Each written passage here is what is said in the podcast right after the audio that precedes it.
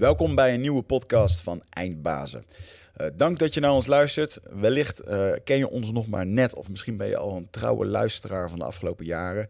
Uh, Michel en ik doen deze podcast nu ongeveer 3,5 tot 4 jaar. En we zijn met de jaren uitgegroeid tot de grootste podcast op het gebied van persoonlijke groei in Nederland. En dat is echt waanzinnig. Hadden we nooit zonder jullie kunnen doen. Dus dank daarvoor. En ik wil graag deze podcast aftrappen met een, met een verzoek om hulp. We hebben jullie hulp nodig. En dat komt omdat wij graag de volgende stap willen maken in het podcasten. Uh, we hebben op verschillende manieren gekeken hoe we dat kunnen doen. Daar gebeurt achter de schermen gebeurt daar een hele hoop over. En een van die dingen is ook een, uh, een technisch dingetje. Dat wil zeggen dat normaliter wij hier in de studio zitten uh, met camera's, met, ehm, met het geluid. we nemen dat op en dat wordt dan later allemaal geëdit. En uh, soms komen Michel en ik wel eens tot de conclusie van... Uh, er komt er in één keer een podcast uh, online en denken... oh ja, inderdaad, drie maanden geleden hadden we dat gesprek. Dat was een goed gesprek. En um, soms neemt dat een beetje de, de magie weg van, van het podcast. Hè? Want als je een tof gesprek wil hebben... dan willen we dat eigenlijk gelijk de lucht ingooien. En dan moet dat niet te lang wachten. Um, soms vind ik het ook wel eens vervelend dat ik dan op mijn social media enthousiast ben. Wauw, dit was een gek gesprek. En dan vragen luisteraars ja, wanneer komt het dan? En dan moet ik zeggen dat het pas over een paar weken komt. En uh, we willen het onszelf makkelijker maken. En we willen het uh, gaan doen zoals onze groot voorbeeld uh, Joe Rogan in Amerika doet. Dat wil zeggen dat er in de studio, terwijl, dat we aan het opnemen zijn, terwijl we aan het opnemen zijn, dat daar dan de beelden en het geluid wordt geëdit. En dat zodra het gesprek, gesprek klaar is, dat dan ook daadwerkelijk de, de aflevering online gezet kan worden. En dat zou betekenen dat we dus on the spot kunnen podcasten, kunnen opnemen en kunnen releasen. En dat zorgt er ook voor dat we veel actueler kunnen zijn. Mensen die medailles hebben gewonnen, mensen die hun boek uitbrengen, mensen die actueel in het nieuws staan. er zijn zo ontzettend veel redenen waarom we mensen nu uh, in de podcast zouden willen hebben. En er zijn natuurlijk veel meer eindbazen dan slechts die 52 eindbazen die we nu per, eh, per jaar doen, omdat we iedere week willen releasen. We zouden veel meer kunnen doen. Dus dat is wat we jullie willen bieden. Meer content en op een snellere manier online. En uh, het aantal gasten dat bij ons in de studio wil komen, ja, dat begint ook steeds meer uh, een groter formaat aan te nemen. Grotere namen. Dus we zitten echt te popelen om daar mee aan de slag te gaan. Maar daarvoor willen we jullie hulp vragen. We hebben daarvoor technische apparatuur nodig. Die kost 5000 euro. En we hebben de afgelopen jaren echt tienduizenden euro's in het editen uh, in de studio's. We hebben drie studio's versleten. Uh, de camera's, uh, de, het geluid. nou, wat ik net al zei, het edit, het hele proces eromheen. En we werken daar iedere week kaart aan met een, met een team van vrijwilligers dat ons daarbij support. En dit keer hadden we zoiets van, weet je, um, we gaan het gewoon vragen aan onze luisteraars. Dus hierbij komt de jongens. Heb jij je ooit geholpen gevoel, gevoeld door deze podcast? Wellicht heb je mooie stappen kunnen maken omdat je bepaalde kennis kreeg of bepaalde inzichten. Uh, of heeft het je geholpen in, in moeilijkere periodes? En, uh, ja, om, om, om alles tot een succes te maken. Misschien je relatie, misschien je werk, misschien je privé. Als het je heeft geholpen op een manier en je zou ons iets willen teruggeven, ja, dan zouden we dat heel erg waarderen als je dat wilt doen via eindbazen.nl. Op de voorpagina staat een kop. Daar kan je naar onze crowdfunding pagina. Um, en je, mag een donatie achterlaten naar keuze. We hebben verschillende pakketten gemaakt. Je mag een donatie van een euro doen, van een tientje, van 50 euro. Uh, je krijgt een chocoladereep, een handgeschreven brief. Je kan in de studio komen met je vrienden uh, om een podcast te komen te bekijken op het moment als wij die aan het opnemen zijn. Of uh, je kan er zelfs eentje opnemen met ons. En dan kan je die zelf verspreiden op je eigen kanalen. Of als je zegt, nou, um, ik, ik ga jullie helpen ik vind het tof wat jullie doen. Ik betaal in één keer dat bedrag. Dan, uh, dan krijg je bij ons een plek uh, in, uh, in de eindbasisstudio. En dan releasen we die uitzending ook, omdat je dan voor ons echt wel een, een eindbaas bent. Um, nou goed, kijk eventjes op eindbazen.nl. Daar kan je de crowdfunding link vinden. nogmaals, wij hadden dit nooit zonder jullie kunnen doen. Um, en we zouden het echt onwijs waarderen ja, als jullie hulp... Um, als je je ooit geholpen voelt door de podcast en je wil wat terug doen voor ons dan is, het, dan is dit het moment om dat te doen. En uh, dan kan ik echt niet wachten totdat we hier aan de slag kunnen gaan met die nieuwe apparatuur. Uh, en nog gavere, betere uitzendingen maken dan dat we al hebben gedaan. Dankjewel. Eindbazen wordt gesponsord door Nutrofit. De webshop voor natuurlijke voedingssupplementen en trainingsmaterialen die je helpen bij het verkrijgen van Total Human Optimization. Nutrofit is hofleverancier van merken zoals Onnit, Natural Stacks en Bulletproof Coffee. Probeer onze producten zonder risico door onze money back guarantee. Bezoek ons op www.nutrifit.nl. Bestel je voor 9 uur 's avonds, dan zorgen wij dat jouw bestelling de volgende dag geleverd wordt. Wat ik dan wel interessant vind, want ik heb jou wel eens, uh, jou, Timo Hans, heb ik wel eens. Uh, welkom in de studio, by the way. Ja, ja. thanks, welk, thanks. welk label mogen we jou geven? Uh, welk label mag je mij geven? Uh, ik vind zelf eigenlijk vitaliteitscoach vind ik eigenlijk een beetje zo'n verschrikkelijke term. Ja. Um, dus, ik ben, uh, dus ik ben bedenker van mijn eigen vitaliteitsconcept ja. uh, en daarvan docent aan mijn eigen opleiding. Dat is denk ik het meest, uh, de meest complete omschrijving. Vitaliteitsuitvinder houden we het dan voor vandaag op. Nou, dat vind ik eigenlijk wel een mooi, want ja. er zitten wel hele, hele unieke uitgevonden dingen zitten er, zitten er echt wel in. Dus vitaliteitsuitvinder, ja. die bedankt voor deze titel, want die ga ik vaker gebruiken, denk ik. want ik heb jou een keertje zien spreken op de 12 Wave Summit. Dat je het over stress en over al, wat het allemaal doet met alle neurotransmitters en zo. En ik kijk hier nu naar mijn kop koffie en we hebben het over die Muppet. Ja. En ik ben er de laatste tijd achter gekomen dat als ik uh, gestrest ben, dan heb ik de neiging om meer koffie te drinken. Ja. Maar als ik meer koffie drink, dan word ik nog gestrester, opgefokter. En die Muppet die gaat dan nog meer aan. Het lijkt wel alsof cafeïne ook die Muppet aanzwengelt. Ja, zo. Uh, een soort van... Uh, uh, ja, dan krijg ik een heel erg... Uh, wat is het gevoel ook erbij? Een soort van krampachtig gevoel. Een soort van opgejaagd. Dat is ja. Jitters. Ja. Jitters. Jitters. Ja. En ondanks dat ik dat heb, kan ik mezelf nog overtuigen om dan toch nog even een kop koffie te nemen. En ik drink niet veel koffie. Hè. Ik bedoel, ik drink liefst één of twee kopjes op een dag. Twee is eigenlijk al veel. Hier in de studio drink ik meer dan thuis. Um, wat, wat voor invloed zou, heeft volgens jou uh, cafeïne of de koffie um, op die muppet in je, in je hoofd? Kan je dat ergens aan relateren? Ah, dat is een hele interessante. Um, nou, ik denk dat het een mooi voorbeeld is. Uh, het is altijd mooi om uh, naar een extreme te kijken, hè, wat, het, wat het doet en dan vervolgens af te bouwen van in hoeverre is van je van toepassing. Ik had uh, een intake dinsdag met een man die dronk 30 tot 35 bakken uh, koffie per dag. en uh, nou, die, had ook, die had ook allerlei klachten. Hè? Dus je kan allerlei klachten krijgen. Dat van, hij veel naar de wc moest. ja, ja, ja, ja, nou ja, hij, had, hij, had zo her, hij zei, ja, ik heb, ik heb maar vijf uur slaap nodig en dat soort dingen. Nou, dat, dat bleef niet overeind in zijn verhaal. Want als je dat met zoveel cafeïne moet compenseren, dan uh, kan dat niet. maar ja, inderdaad, cafeïne is natuurlijk iets wat je wakker houdt. Uh, het heeft heel veel invloed op uh, bijvoorbeeld onze slaapdruk. Is dat een bekend fenomeen? Sleep pressure. Beetje, dus maar voor de mensen het, die luisteren. Ja, vanaf, het, vanaf de seconde dat je wakker bent, uh, bouw je een hormoon op. En die vindt zijn piek om en nabij de 16 uur. tussen de 12 en 16 uur verschilt een beetje per persoon. En dat is een van de pijlers die eraan bijdraagt dat je s'avonds denkt, ik word moe. Ja. Dus dat is, een, dat is een hele belangrijke.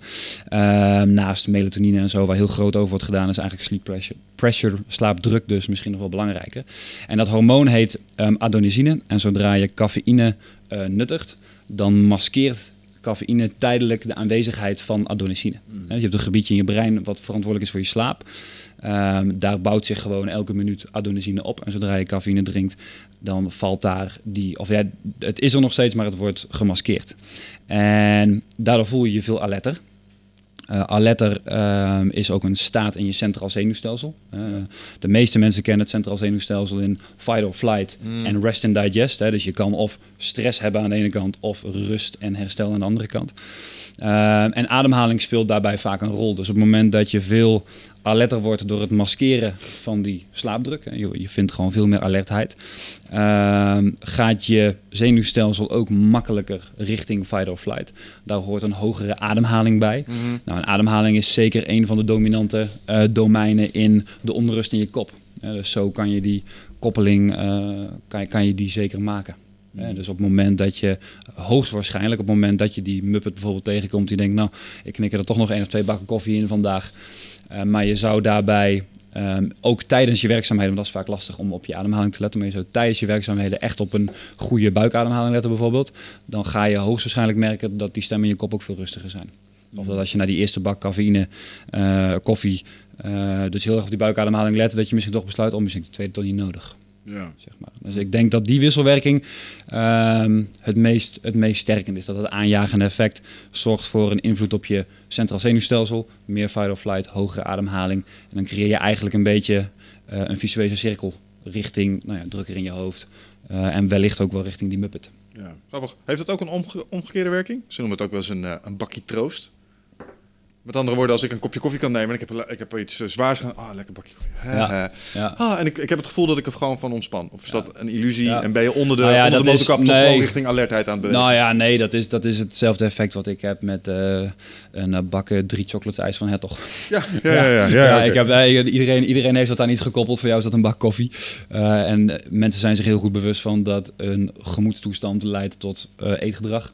Mits je dat ooit aan elkaar gekoppeld hebt. Mm -hmm. ik ben vroeger ook opgevoed met uh, wow, er is echt iets heel goed gegaan. Oh, dan gaan we nu lekker een ijsje eten. Ja, ja zeker. Uh, ja. Sommige ouders doen dat wel onbewust, sommigen doen het bewust, uh, sommigen doen het juist niet.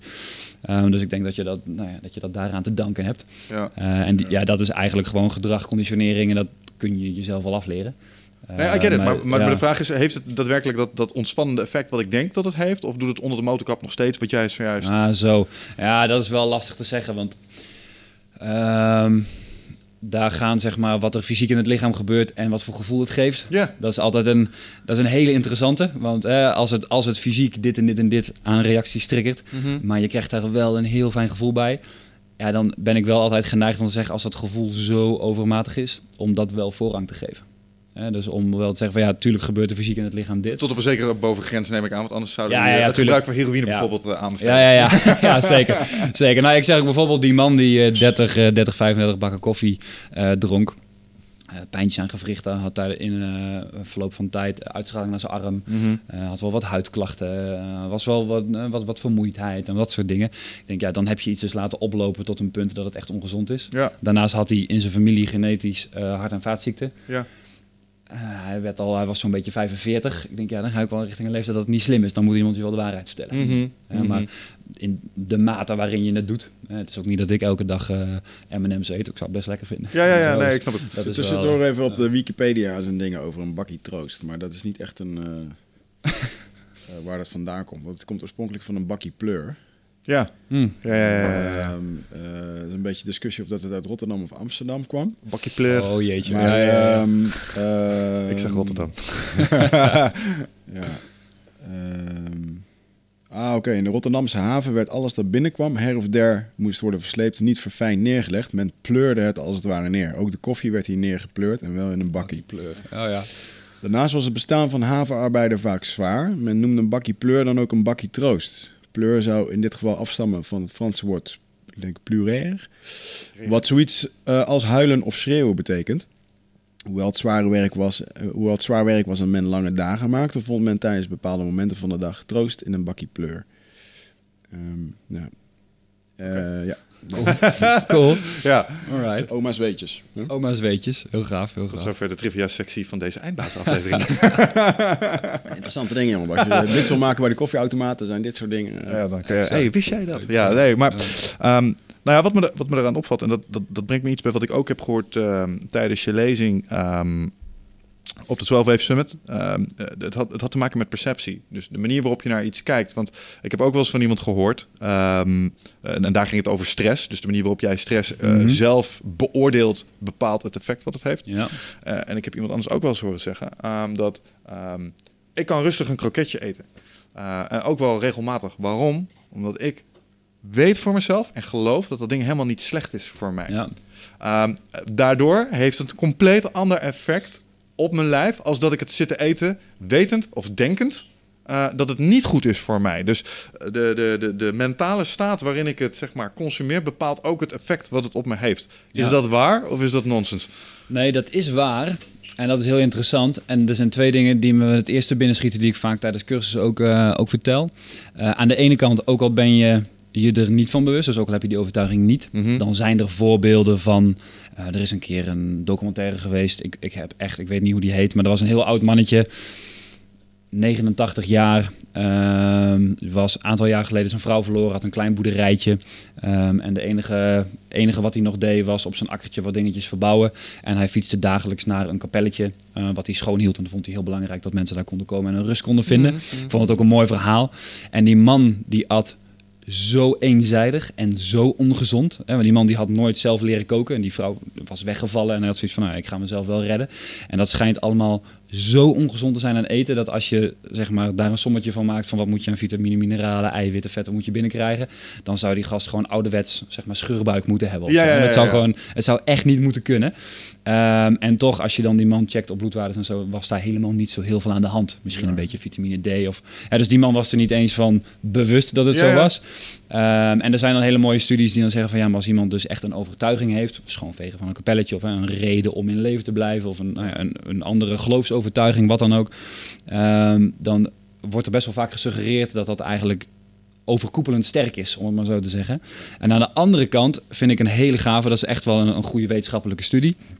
Ehm, noemen ze de eh, milkshake study, waarin ze ehm, hebben gekeken naar het verzadigingshormoon.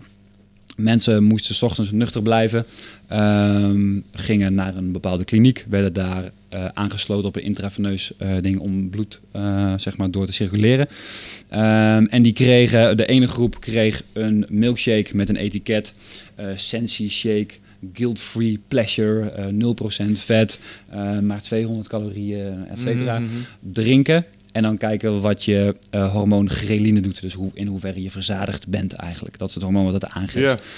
Aan de andere kant kwam er echt zo'n nou ja, Burger King-achtige shake. Weet je wel, van die wil je niet hebben.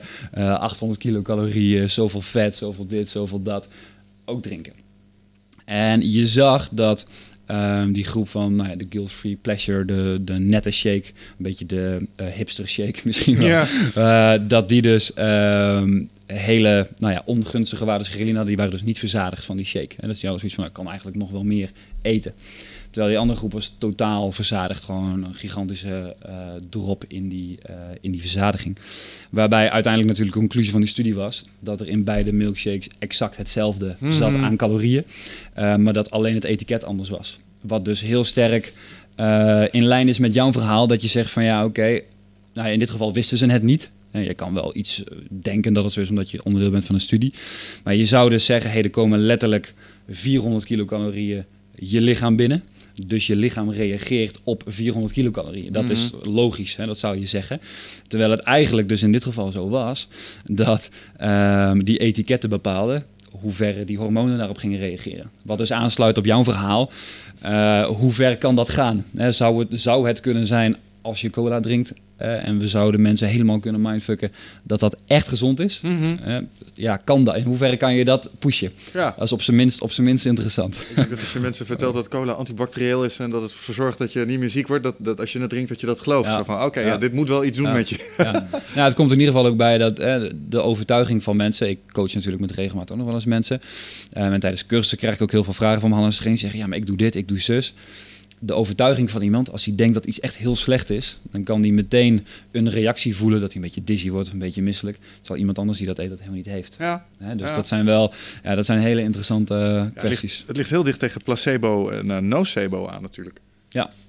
Ik bedoel, dat is hetzelfde. Je kan iemand een suikertablet geven, zeggen dat het iets doet en dan, Ja. dan doet het iets. Alleen aan de andere kant, we hadden hier laatst een eh, microbioloog zitten, eh, Hans Klevers, en die zegt ja, dit, dit werkt Ja. wel, maar wel op subjectieve beleving. Hoewel jij zegt, het doet ook hormonaal iets. Ja. Kijk, hij zegt, werkt wel, maar niet tegen dingen als kanker of zo. Nee. Snap je? Want eh, dat is toch wel echt een ding. En ik zit me dan af te vragen of dit effect op de... ehm, zeg maar, als je echt gelooft dat cola goed voor je is... dan doet het misschien op de korte termijn... Als je, als je dat geloof Ja. hebt, niet die dingen die het zou doen die je verstoren... maar op de lange termijn zal het toch echt wel iets, Ja.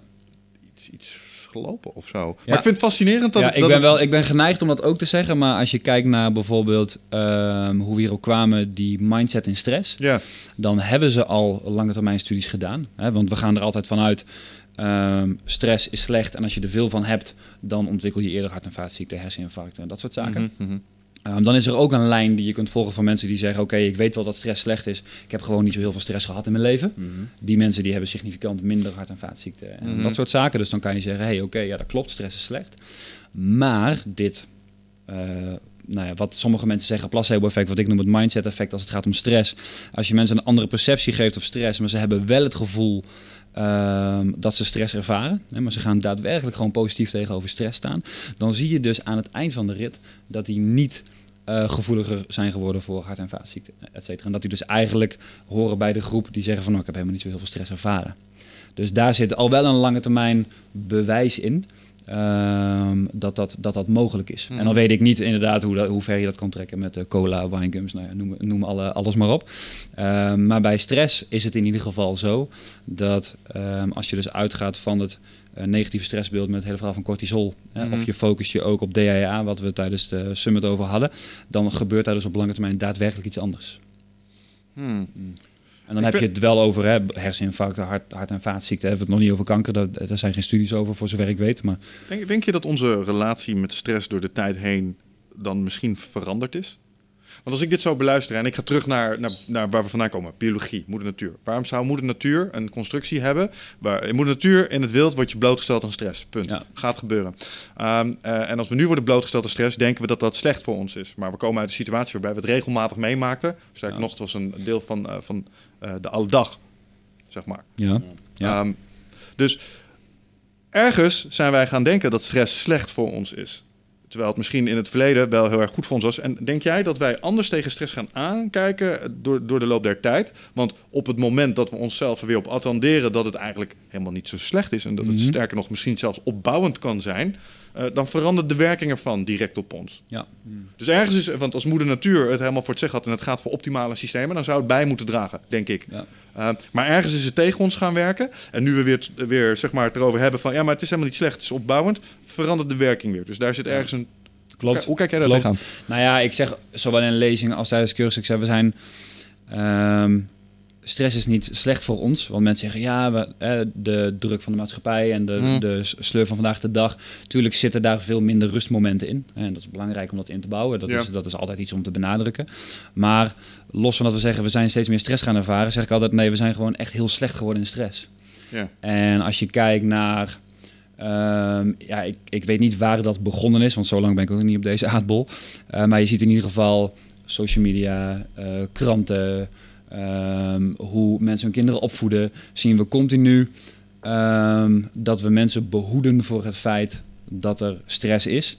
In plaats van op het moment dat er stress er komt, we zeggen van hey, interessant, probeer daar eens van te leren en probeer daar de volgende keer eens hè, beter mee om te gaan. Dus als je op een uh, verjaardag, op je werk, wat dan ook, je komt iemand tegen en je vraagt hoe gaat het, dan zeggen we altijd druk, druk, druk, druk. Weet je wel? En oh, ik hoop dat dit maar goed gaat volgende week. En uh, we worden s ochtends wakker en we denken, nou, ik hoop dat we maar het eind van de dag halen.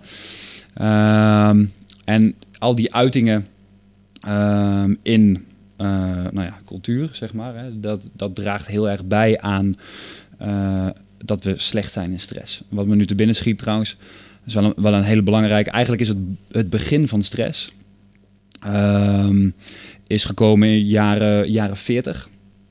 Waar eigenlijk de beroemdste stresswetenschapper uh, onder de naam Hans Seijen die heeft eigenlijk stress voor het eerst een naam gegeven. Ja, daarvoor had stress nog geen naam. Dus dan zeiden ze niet van, oh, je hebt heel veel stress. Maar dan zeiden ze gewoon, uh, weet ik veel, je hebt druk. Of nou, weet ik niet wat ze daarvoor zeiden. Die man, die is begonnen met ehm, ratten. En die was die gewoon aan het injecteren met iets. Dus hij was gewoon reacties aan het uitlokken. En een paar ratten met een zoutoplossing en een paar ratten met een hormoon. Mm. Gewoon kijken wat het doet. Dus hij was helemaal niet bewust met stress bezig.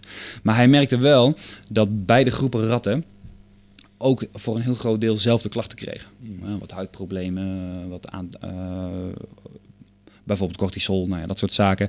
En die rat, de ratten werden eigenlijk allebei wel ziek.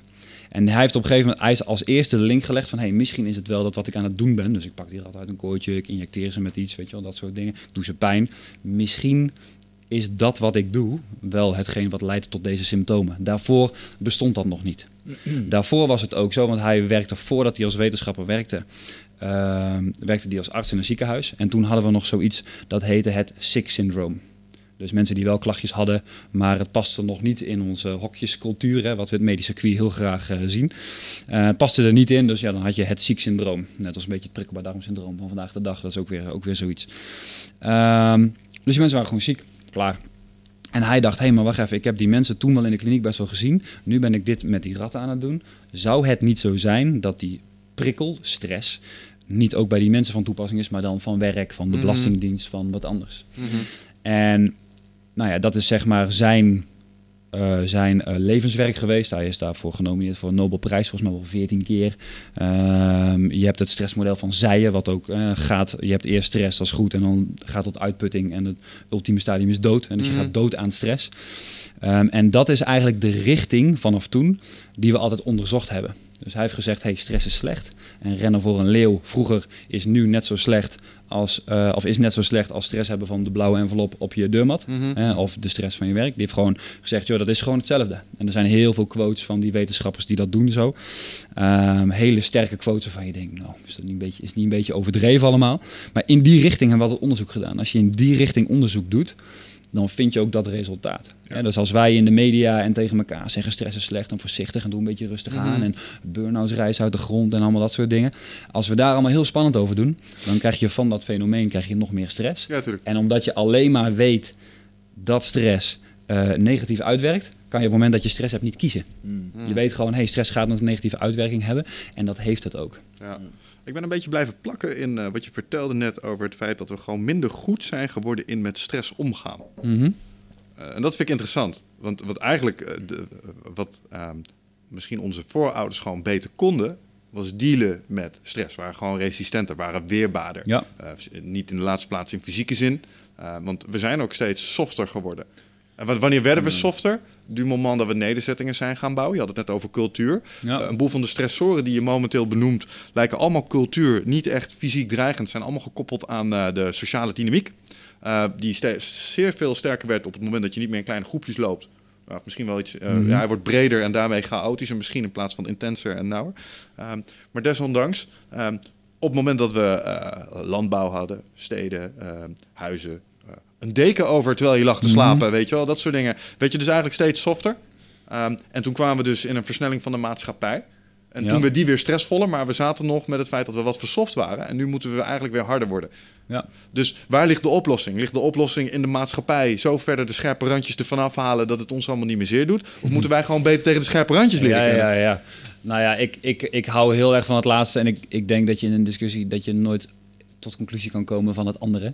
Je kan niet maar zeggen inderdaad van... Uh, oh, we moeten alles maar weghalen en dan leven een stressvrij leven doen, en dan zijn we gelukkig. Want er zijn zoveel onderzoeken die laten zien... Neem bijvoorbeeld uh, mensen die met pensioen gaan. Mensen die met pensioen gaan, die worden heel vaak heel snel heel ongelukkig... Mm -hmm. als ze geen andere invulling hebben. Mm -hmm. En plekken in de wereld... Dat is ook een ander onderzoek, gewoon grote bevolkingsonderzoeken... Plekken in de wereld waar we het meest succesvol zijn... en zeggen dat we het meest gelukkig zijn... ervaren we ook het meeste stress. Dus die hebben, die hebben met elkaar te maken. En ik ben het helemaal met je eens dat um, in opvoeding.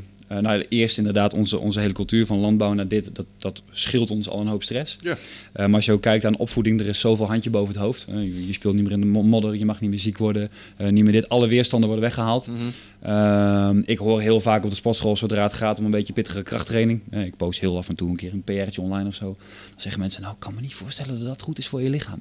Ik zei, ja, ik, ik... Sorry? Noem eens een PR'tje. Vind ik wel een PR'tje. ik had laatst een um, drie RM, hè, dus drie herhalingen. Ja. Um, hang power clean, dus olympisch gewicht heffen, van 100 kilo. Dat klinkt mannelijk. En dat, nou, dat, dat is ook heel mannelijk. Ja, ja. Denk, ja, ja, dat, is wel, dat is wel mannelijk. Dat is gewoon mannelijk, ja. ja dat is, ja, ja. ook even dit compliment, hoor. ja, dankjewel, dankjewel. Maar de, hè, dat is wel, heel veel mensen die kijken naar en die zeggen, nou, uh, ik weet niet of dat goed is. Als je het hebt over weerstand overwinnen, dan mm. kan dat uh, psychisch, maar dat is ook fysiek. Ja, als je het hebt over, ik zeg ook heel vaak tegen mensen, het vermogen om te kunnen thermoreguleren, om te gaan met temperatuur. We zijn altijd in 20 graden in de auto. Als het buiten kouder is, ja, ja, ja. iets aan. We zijn altijd comfortabel. We trainen niet meer oncomfortabel. Het is allemaal, uh, je ziet heel vaak in de sportschool een beetje zo uh, cardio op cross trainen. Een lekker. beetje relaxed. Absoluut niet te veel weerstand. Gewoon geen, lekker geen impact beetje, op je knieën. Nee, precies. Ja, geen, geen impact nergens niet. Um, en er zit, nou, met stress hetzelfde, weet je wel. Oh, er komt stress aan. Nee, ontwijken. En we leren het onze kinderen. Uh, we doen het zelf, mm. uh, et cetera, et cetera. Dus alles bij elkaar heeft er inderdaad wel toe geleid dat we so softer zijn geworden. Mm -hmm. ja, dat is wel zo. En ik ben zelf ook, vind ik zelf best een gevoelige man. Hè. Ik heb ook wel emoties en zo. Maar mm -hmm. als je kijkt naar de bouw ook van de gemiddelde man en hoe die met stress omgaat, dan ja, een beetje zo ja. minimaal uh, in, ingekrompen, dun. Uh, weet je, er, er, zit niks echt mannelijks, mannelijks meer aan, zeg Mhm. maar. Um, en dat heeft niet alleen maar met fysieke training te maken. Dat heeft, dat heeft natuurlijk met alles te maken. Nou, ik denk dat het wel een heleboel met fysieke training te maken heeft. Sowieso, ik vind het voorbeeld van uh, uh, oh, 100 kilo boven je hoofd uit kunnen tillen, dat kan toch niet goed voor je zijn? Um, ik denk juist dat, wat, wat die mensen, wat mij heeft laten inzien dat het beter is om te trainen voor gewoon supersterk zijn in plaats van mooie spieren, is gewoon heel simpel. hey, luister, als jij eens een keer flikkert, hè, valt of je komt in een ongeluk terecht, wat bepaalt hoe jij daaruit komt? Hoe sterk jij bent. hoe sterk je spieren zijn, je botdichtheid is gewoon super simpel. En weet je hoe je die heel goed kunt opbouwen? dus waren dingen op te tillen. Dat gewoon uh, onderhevig aan, uh, aan druk blootstellen. Dat is basically wat je doet. En dan, kan, dan, wordt het, dan wordt je lichaam steeds sterker en kan die 100 kilo kan straks 120 kilo worden. Je begon waarschijnlijk met minder. Um, voordat die 100, het was niet zomaar ja, je. Precies, je begint met een lege stang, techniek, dingen. En dan kijk je eens wat je kan. En, uh, ja. Nou ja, ik krijg dat vaak vaak te horen. Dat is een superleuke tegenstrijdigheid, vind ik altijd om uit te leggen. Aan de ene kant uh, komen mensen best wel eens naar me toe en die zeggen: joh, waarom uh, doe je dit en dit in je ochtendritueel? Waarom doe je dat? Waarom geef je zoveel geld uit aan dat dat je denkt dat het gezond is? Is dat allemaal wel niet doen? Weet je wel, is dat, is dat nou echt zo goed voor je gezondheid of is dat gewoon obsessief dingen doen? Terwijl aan de andere kant heel veel mensen vaak aan mij vragen: hey, alles wat jij de afgelopen jaren gedaan hebt, hè, en je ziet er nog steeds zo uit. Uh, je hebt, nog, je hebt zo'n hoog energieniveau altijd. Je mm. bent er altijd voor je vrienden. Uh, je vriendin klaagt eigenlijk praktisch nooit dat je er nooit bent en hè, dat, je, mm. dat je bijvoorbeeld niet fit bent. En dat is een hele leuke tegenstrijdigheid, want mensen willen heel graag weten van, hey, hoe doe jij dat nou? Ja, ja zo, en, aan de andere kant, en aan de andere kant zeggen andere mensen wel eens met een kritische blik van, ja, maar ja, waarom doe je nou zo obsessief? En mm. ja, dat is, dat is het beste om aan te geven. Ja, maar die laatste groep mensen zichzelf met name aan het vrijpleiten. Ja, dat zij het niet doen en dat vinden ze vervelend. Je zoekt, je zoekt, gewoon naar een bevestiging dat het niet hoeft. Ja, dat is het. een van de grootste voordelen van onze training die we nu hebben met zes keer per week weer trainen en dan, uh, weet je, als ik vroeger vier keer per week iets deed, dan deed alles pijn. En nu, uh, nou, nu begint ook alles pijn te doen. Ja, zeg, hou op, jongen. We zijn altijd op een punt gekomen dat we een soort van uh, met de hamer geraakt worden. maar um, um, het voelt wel heel erg fit en gezond en goed. En um, dat je gewoon mobieler wordt, dat je sterker wordt. Uh, ik ben supergoed in mijn energie. Als ik nu, ik ga wat, altijd vroeg naar bed. Als ik om half tien in mijn bed lig, word ik om half zes wakker, hoef ik geen wekker meer voor te zetten. Perfect. En dat had ik eerst niet, weet je. En ik heb energie te over. Ik deed nog wel eens een middagdutjes uh, smiddags. Dat doe ik misschien ook nog niet eens meer echt. Ah, en um, en s'avonds nog wel energie over. Uh, bij mij werkt het heel erg op mijn, op mijn moed, op mijn emo emotionele gestel, zeg maar. Angstige gedachten en zo. Het is echt... Um... Ja, en ik denk dus dat jij door dit trainen nu andersom gaat met stressvolle situaties als de uh, meneer waar je het zojuist over mhm. had. Ja. Uh, en, en, dat komt niet in de laatste plaats door wat denk ik hormonaal nu allemaal onder het spiegel. Even los van het feit dat je keer op keer een overwinning boekt. Want zo voelt elke training afvinkt toch wel eventjes. Ja. Dus je leert jezelf, oh ik kan dit. Maar tegelijkertijd, ja, als jij zware shit optilt, gebeurt er onder motorkap van alles. Uh, testosteron die in de laatste plaats, denk ik. En ik denk dat die uh, dat een hele grote bijdrage levert aan je zo voelen zoals jij hem schrijft. Opgewekt, doortastend, ja. actiegericht. Ja, ja, dat ben ik van Ik heb voor mezelf gemerkt dat het verschil, want um, je gaat natuurlijk de grenzen opzoeken van wat te veel is, maar je gaat ook de grens opzoeken van wat net genoeg zijn. ja, ja, ik merk dat als ik, uh, soms dan had ik niet even de tijd om mijn, uh, mijn uh, circuitje te doen, mijn Murphy of zo heet dat in CrossFit termen. Murphy, ja. Of dat was een workout, maar een soortgelijke. En um, dan, dan raffelde ik dat net even af, dat ik net niet over het tipping point kwam van, pff, dat was even pittig, weet je wel. Maar dan was het een soort van, nou, ik heb het gedaan en dan ga je weg. En dan had ik daarna niet, het, niet dat satisfying gevoel van, oké, ik heb nu een goede workout gehad. En dus uh, over die grens heen gaan. En dan het liefst dan ook wel zes keer per week op verschillende manieren. Het kan prima. Ja. Uh, voel me er super goed bij. Ja. En het is wel echt een, uh, ja, ja, een hele goede. 100%. Nou, dat is een mooie. Ik, had, uh, ik kwam het gisteren kwam ik het zelf nog tegen. Uh, ik ben wel iets bewuster gaan trainen voor de daadwerkelijke Murph. Hè, dus met een gewichtsvest van 9 kilo. Uh, eerst een mijl rennen, 100 keer optrekken, 200 keer opdrukken, 300 squats en weer een mijl rennen. Heb je hier over pull-ups of over chin-ups? Nee, we hebben het hier over pull-ups, maar met CrossFit mag je dat natuurlijk met uh, kipping of uh, butterfly. Okay. Ja, dus je, het, is niet, het is niet per se strikt. Uh, dat, dat scheelt echt aanzienlijk. Maar dan nog, ja. dan nog is het verschrikkelijk. Ik heb hem dit jaar voor het eerst gedaan. ik ben erin zeker niet de snelste. Ik heb dat nu in een uur en 17 minuten gedaan in mijn uppie. Het was echt een, ook een, als je het over hebt, een metalen slag. Maar ik ga nu, ik heb nu wel bedacht van, hé, hey, wacht even. Ik wil volgend jaar wil ik hem wel significant sneller doen. Um, en gisteren was een mooi voorbeeld. Ik kwam thuis, gewichtsvest aan, rennen. En ik had bedacht, hey, weet je wat, ik ga daar een rondje rennen. En als ik dan kom, dan doe ik squats, push-ups en dan ren ik weer. Ik kon mm. daar geen pull-ups maken. Dus ik dacht, oké, doe ik dat. En ik dacht dat het rondje om en nabij 400 meter was, had ik bedacht. En toen ik de hoek om was, zag ik dat dat pad helemaal niet die kant op ging, maar dat het die kant op ging. En toen werd het rondje minimaal twee keer zo lang. Ah. En in plaats van, in plaats van te denken, oh nee, maar dan verzin ik even een nieuw rondje. Dan dacht ik, fuck it, blijf gewoon lopen. Ja, ga, dan, dan of iets langzamer of iets meer kapot. En dat is ook een stuk stress. Hè? Je, komt, je denkt, oké, het is al oncomfortabel met zo'n vest van 9 kilo. Ehm, shit, je kan nu stoppen of je gaat door. En ik heb niet eens getwijfeld. Ik denk, fuck, ik ga gewoon, It will ga gewoon extra. Ja, ik zie ja, wel, het houdt wel een keer op. En eh, dat is ook wel, weet je, wat, wat je in fysieke training zeker wel, eh, wat mensen wel kunnen leren. In ja, ook hoe je met stress omgaat. Een heel interessant ook, wat ik, daar heb ik wat onderzoek naar gedaan, omdat ik eh, afgelopen jaar veel bezig ben geweest hoe je tra- oud trauma uit je lichaam kan krijgen. hè, Omdat dat zich ergens opslaat in je lichaam. Ja. Of, eh, en dan hebben ze allerlei testen met dieren gedaan. Dat als je een een schaap of een koe, dat pakten ze dan op en die legden ze dan op zijn rug. En dan gingen ze gewoon weer weg. En dan, dan had dat beest wel even stress, want hij werd opgepakt en op zijn rug gelegd. Maar vervolgens stond hij op, schudde hij even met zijn kop of met zijn poten en dan was dat klaar. Eh, en dat deden ze keer op keer. En dat gaf in de, in de waardes van, van het dier gaf dat eigenlijk weinig effect. Dus eh, een kortstondige eh, stressprikkel die niet blijvend was, was oké. En eh, vervolgens legden ze een soort, een soort U-vormig schotje neer, waardoor ze een beest op zijn rug legden, maar dat hij niet kon kantelen. Dus daar kwam een soort onmacht aan te pas. Ja. En dat is waar beesten inderdaad echt de stress van kregen. En toevalligerwijs ben ik onlangs eh, bij Korps Commandotroepen geweest. En toen hadden we het daarover, over PTSD en dat soort dingen. Mhm. En daar zei die man eh, eh, dat onmacht. En dat was op basis van wat, ik hier, wat we hier met Mark en Jeroen hebben besproken. Twee jongens van een arrestatieteam en een antiterrorisme-eenheid. Die had een keertje voor een vizier gelezen als sluipschutter. En die zag dat iemand werd verkracht, maar hij mocht niet ingrijpen. Toen had hij het over die onmacht. En dat vertelde ik daar. En toen zei hij, ja, een onmacht is dus de nummer één veroorzaker van PTSD. Eh, in situaties dat je niks kan doen en erge dingen ziet en dat soort dingen. Mhm. Ehm, dus ik denk dat ook een hele hoop. Daar heb ik over na zitten denken. En dan is het stukje onmacht. Dat is dus hetgeen wat ons echt stress geeft. Mhm. Want die tijger die ons achterna zit. Dat is denk ik hetzelfde als de auto die ons bijna aanrijdt. Mhm. Daar schrik je van. En, maar als dat normaal in je leefomgeving is. We zijn omgeven met auto's. Het gebeurt mij jaarlijks wel een paar keer dat ik even ben uit aan het kijken met mijn auto. toch? Ja. Bijna dood, ja. Maar lig je daar wakker van? Nou, een soort van niet, weet je wel.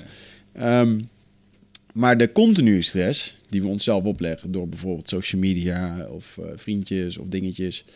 eh, dat, dat vergelijkingsgebeuren, dat lijkt wel echt een continue. Dat is eigenlijk dat U-vormige houtje wat onder je rug ligt, lijkt wel. Die machteloosheid. Ja, Maar ja, we hadden het, als je, eh, daar niet mee, als je daar dus niet mee om kan gaan. Als je dus niet weerbaar bent daarin. hadden het aan het begin van de, van de podcast even over. Hè? Dat is waar die, waar die stoïcijnen zo ongelooflijk op zitten. Hè? Wat, dat wat Toon Gerbrands eigenlijk gewoon beheersbaar, onbeheersbaar. Ja. Ehm, sommige shit ligt buiten je controle. Kun je niks in invloed op uitoefenen. Kun je stress om hebben, is zinloos. En je moet jezelf conditioneren om je daar niet druk om te maken. Dat is makkelijker gezegd dan gedaan. Daarom is er ook een hele filosofische stroming omheen gebouwd. Maar desondanks, dat is wel waar het op neerkomt. En als je machteloosheid, want je voelt het niet alleen als eh, eh, operator in een eh antiterrorisme-eenheid. Misschien voel je het ook wel als je vastzit in een bepaald carrièrepad. Of in een relatie. Of mensen om je heen doen dingen. waarvan ik, oh, doe het nou toch niet. Ik bedoel, de meeste machteloosheid heb ik ervaren destijds in het alcoholisme met mijn moeder. Ik had gewild dat ik toen dit boekje, zeg maar, eh, eh, tot me had kunnen nemen. Dat had me een boel stress en eh, gedoe kunnen besparen. Ehm, maar nee, herkenbaar. En ik denk dat als mensen nu een soort inventarisatie maken van de dingen waar ze het meest stress van hebben. Dat is vaak nummer, het zijn altijd dingen die niet beheersbaar zijn. Vaak is het nummer één, mening van anderen. Als, je, als je iets Ja. geen invloed op hebt, dan is dat wel. Ja. Snap je? En, en, ja. Ik merk dat sinds ik eh, op... En natuurlijk, bij Toon hadden we het dan wel een beetje gehoord. Maar ik probeer er nu een dagelijkse oefening van te maken. Om daar even aan te denken. Oh, ik, ga nu, ik zit nu al anders in het verkeer. Ik ga nu al anders om met, eh, met dingen die gebeuren. Waarvan je denkt, ah, is vervelend. Maar ah, direct is onbeheersbaar. Ja, ja, precies. Dat is heel mooi. Nou, ik denk wel, even binnen, binnen mijn zes domeinen model zeg ik ook altijd, ik, ik doseer het fysieke. En eh, dan zit ik in mijn docentenrol en dan kan ik daar iedereen eh, alles over vertellen. Ik denk waar we het nu over hebben, dat, dat is een super waardevolle aanvulling. Hè, want naast al het fysieke wat je kan controleren, is het gevoel van onmacht en dat soort zaken. Ehm dat heb ik de laatste jaren zelf ook mogen ervaren dat ehm, zeg maar het stuk wat jullie ook veel doen, persoonlijk leiderschap. En eh, gewoon mensen inzicht te geven om, om daar beter te komen. Daar zit ik zelf in mijn studentenrol. En ik heb daar de laatste jaren ook heel veel stappen in gemaakt om nou, in ieder geval al veel minder druk te maken om wat anderen vinden. En, hè, dus Ja, dat is, eh, ik denk dat het zeker een hele, hele belangrijke aanvulling is. Dat is eh, Lastig is dat je gevoel, dat je gevoel is daar echt in. Hè? Want iemand voelt zich echt onmachtig. Of iemand voelt echt dat hij... eh, en dat is echt. Ja. Dus daarvan kan je niet zeggen, hey, eh bla bla bla. Eh, dat, dat is niet zo. Eh, alleen om iemand helder te krijgen dat, dat als je, een uit, dat hier, als je dit touwtje hebt, dat het uiteinde zijn je gevoelens. En het begin zijn je gedachten. Dus je gevoelens zijn echt. Kan niemand over discussiëren, want die voel jij zo. Mm. Alleen wat het veroorzaakt zijn gedachten. En daar kan je je vragen bij stellen of dat, dat echt zo is. Ja, ja, ik denk dat het klopt. Interessant. Het heeft weer te maken met je perceptie. En dat is dus het grote ding, dat kun je dus leren. Want sommige mensen, ja, maar ik vind dat moeilijk en dan dit en Ja. dan lopen ze helemaal op te winden. En dat is, het is het oefenen van je geest in het daadwerkelijk inzien van, eh, nou ja, bijvoorbeeld het feit onbeheersbaar, beheersbaar. Maar wat ook een hele mooie was, eh, die hoorde ik laatst bij een, eh, dat was een hele bekende angel investor, die zat bij Joe Rogan. En die probeerde in elke, in elke situatie heel bewust het positief te zien. Ja. Wat er ook gebeurt, positief. En hij zegt, dat duurde even voordat ik dat kon. Hè? Want dat, de eerste week doe je dat met heel veel enthousiasme en dan, en dan lukt je dat wel. Maar in week 2 en 3 beginnen irritante mensen toch al behoorlijk irritant weer te worden. Week 4 denk je, ik ga ermee stoppen. En als je dan toch doorgaat, na ongeveer een half jaar merk je dat je geest op een gegeven moment standaard voor de positieve optie kiest. Ah, ja. Maar daar heb, je, daar heb je gewoon een tijd lang voor nodig. Het is gewoon gewenning inderdaad. Ja. Nou, ik denk dat het, het is een van de dingen die mij wel redelijk makkelijk afgaat, denk ik. Want het is, ik denk dat dat weer een goede anderhalf jaar geleden is dat dat hier met, eh, met die ondernemersgroep, Mm. eh, dat, dat, dat dat was. Eh, en toen weet ik nog dat jij op je roadmap had staan, ehm, ik wil graag bereiken, ehm, hoe had je dat daar staan, Ehm, eh, zero fucks given. Zo Ja. van, hè, wat andere mensen vinden, maakt me niet uit. En ik merkte toen jij dat zei, van, oh, ik heb daar eigenlijk zelf als persoon ook wel last van. Als ehm, op de eh, Facebookpagina bijvoorbeeld, dan deden we een mooie post om, om behandelaars en trainers hè, dingen te leren. En dan zijn er altijd mensen die daar negatief op reageren. En ik kom daar de eerste keer en dan kon ik echt van wakker liggen. Dat ik denk, oh, van die personal trainers en coaches die het dan net even beter weten. ja, die. Ja, die, ja, ja, ja, ja. Even laten 100%. zien hoe goed zij het wel niet Ja. kunnen en dan ten, ten Ja. koste van jou. Ja. Ik haat dat Ja. soort We mensen. hebben, dat, we hebben dat in ook wel, omdat we dat heel erg hebben ingestoken op eh, high-end supplementen. En dan, en, dan, en dan pakken we af en toe eh, de informatie klakkeloos over van een Amerikaanse site. Van hun als, als merk zijnde. Ja. Want zij voorzien ons gewoon van die marketing. En dan, eh, dan wordt daar verwezen naar een paar onderzoeken. En dan krijg je altijd van die... Ja, hoe zeg ik het, van die muggenzifters die dan inderdaad Ja, helemaal ja. gaan ontleden. En eh, wat, is, wat is dan het wetenschappelijk bewijs? En dan, ja, Ja. dude, wat is wetenschappelijk bewijs, weet je? Ja, klopt, klopt. Nou ja, dat, daar heeft denk ik iedereen die eh, online wat doet, eh, heeft hij daar, heeft hij daar mee te maken. Maar ik merk net wel, ik ben vanuit mezelf, ben ik eigenlijk vanuit vroeger ook al wel best wel rasoptimist. Mm. Ehm, en mijn andere superkracht, ik doe gewoon. Heel veel mensen vinden het moeilijk om iets te gaan doen. Als ik denk, dat wil ik, dan doe ik het. Ehm, en ja, dat zijn denk ik ook pijlers binnen het persoonlijk leiderschap. Want dat is niet mijn terrein. Hè? Maar ik heb in ieder geval gemerkt toen jij anderhalf jaar geleden zei van... hey, zero fucks given is een doel. Was voor mij het inzicht dat ik dacht... ja, ik vind het eigenlijk ook wel belangrijk. Want ik kan veel te druk zijn met wat mensen posten. en elke uur wel teruggaan naar Facebook om te kijken of dat al gevorderd is. Weet je, ik kon me heel druk om maken. En toen ik dat hoorde, dacht ik... oh ja, verrek. Ja, prima. Nou, doen dus. Hè, daar Ja. een punt van maken. En ik merk dat ik nu als mensen zoiets posten... dat ik denk, joh, daar maak me echt niet druk om. En als mensen dan tegen mij zeggen... oh, heb je die post gezien eh, met die reactie? Ja, ja prima. Post and drop, man. Ja, Gewoon even naar kijken. Ja. maar ik denk wel dat inderdaad dat, dat heel veel mensen dat eh, wel veel meer zouden kunnen gebruiken. Eh, Veel mensen die hun energie totaal laten verliezen in het... ik had bijvoorbeeld een keer een vrouw die zei... ja, ik was zo laag in mijn energie. En die had allerlei aanknopingspunten, wel darmen en slapen. Nou, verder in het gesprek ook naar voren, zei ja... eh, toen ging het even kort over vrienden en zo. En toen vertelde ik kort ehm, dat ik wel ehm, wat selectiever was geweest de laatste jaren in wie ik in mijn omgeving had. Ehm, en mijn allerbeste vrienden kan ik gewoon op één hand tellen. Dat zijn er vijf. Ehm, en dan meet ik dan eh, nou, eens per twee, drie maanden mee of zo, soms nog wel langer. En die vrouw die zat me echt aan te kijken. En dat is zo van, dat zou voor mij de ideale situatie zijn. Die ging meerdere malen per week een bakkie doen met een vriendin. Ehm, terwijl ze daar altijd negatiever uitkwam. Ja. Dus toen zei ik tegen haar heel simpel, ik zei, nou, je kan er ook voor kiezen om daar een einde aan te maken. Hou je veel energie over. Ja, dat was, dat was wel echt onmogelijk. Hè? Ja. Dat, was dan, dat was echt de moeilijkste opgave. Ze kon wel anders gaan eten, ze kon wel beter gaan slapen. Ja. Maar het stukje persoonlijk leiderschap wat haar zou moeten brengen tot hè, dat ze gewoon tegen een paar oude basisschoolvriendinnen zeggen, nou weet je wat, nu gaan we het één keer per maand doen of eh, helemaal niet meer. Ja. Dat ging gewoon niet. Mensen vinden dat enorm lastig. Ik heb, ik heb onze relaties even geëvalueerd. Ik merk dat ik er weinig uithaal. Ik denk dat ik het bij deze Ja. gewoon eh, de vriendschap termineer. En eh, Exact. fijne dag nog. Ja, Het is moeilijk, is ook wel Ja. wat hard, maar soms moet het gebeuren. Ja, ja. Onbewust is dat denk ik wel de lastigste om mensen de deur te wijzen of eh, te zeggen dat je er iets niet uithaalt. Ehm, want ik denk dat het ergens, je mensen zijn allemaal bang voor afwijzing, diep van binnen. Dus als je nu in één keer iemand anders gaat afwijzen, dan is het ook lastig om, eh, om een tegenreactie te krijgen of misschien nieuwe mensen te vinden. Of, eh, Dat is de angst. Ah, ik, had afgelopen, is de angst. ik had afgelopen weekend ook al wat, eh, met mijn retreat, wat inzicht over mensen waar ze mee omgaan. Want sommige mensen dan tot de conclusie komen, ja, ik heb eigenlijk maar één of twee mensen waar ik echt mee omga. Eh, en sommigen inderdaad, eh, ja, die erachter komen dat hun vriend lager scoort dan, eh, dan vrienden, weet je wel. Ja. Mhm. Wat op sommige vlakken goed kan zijn.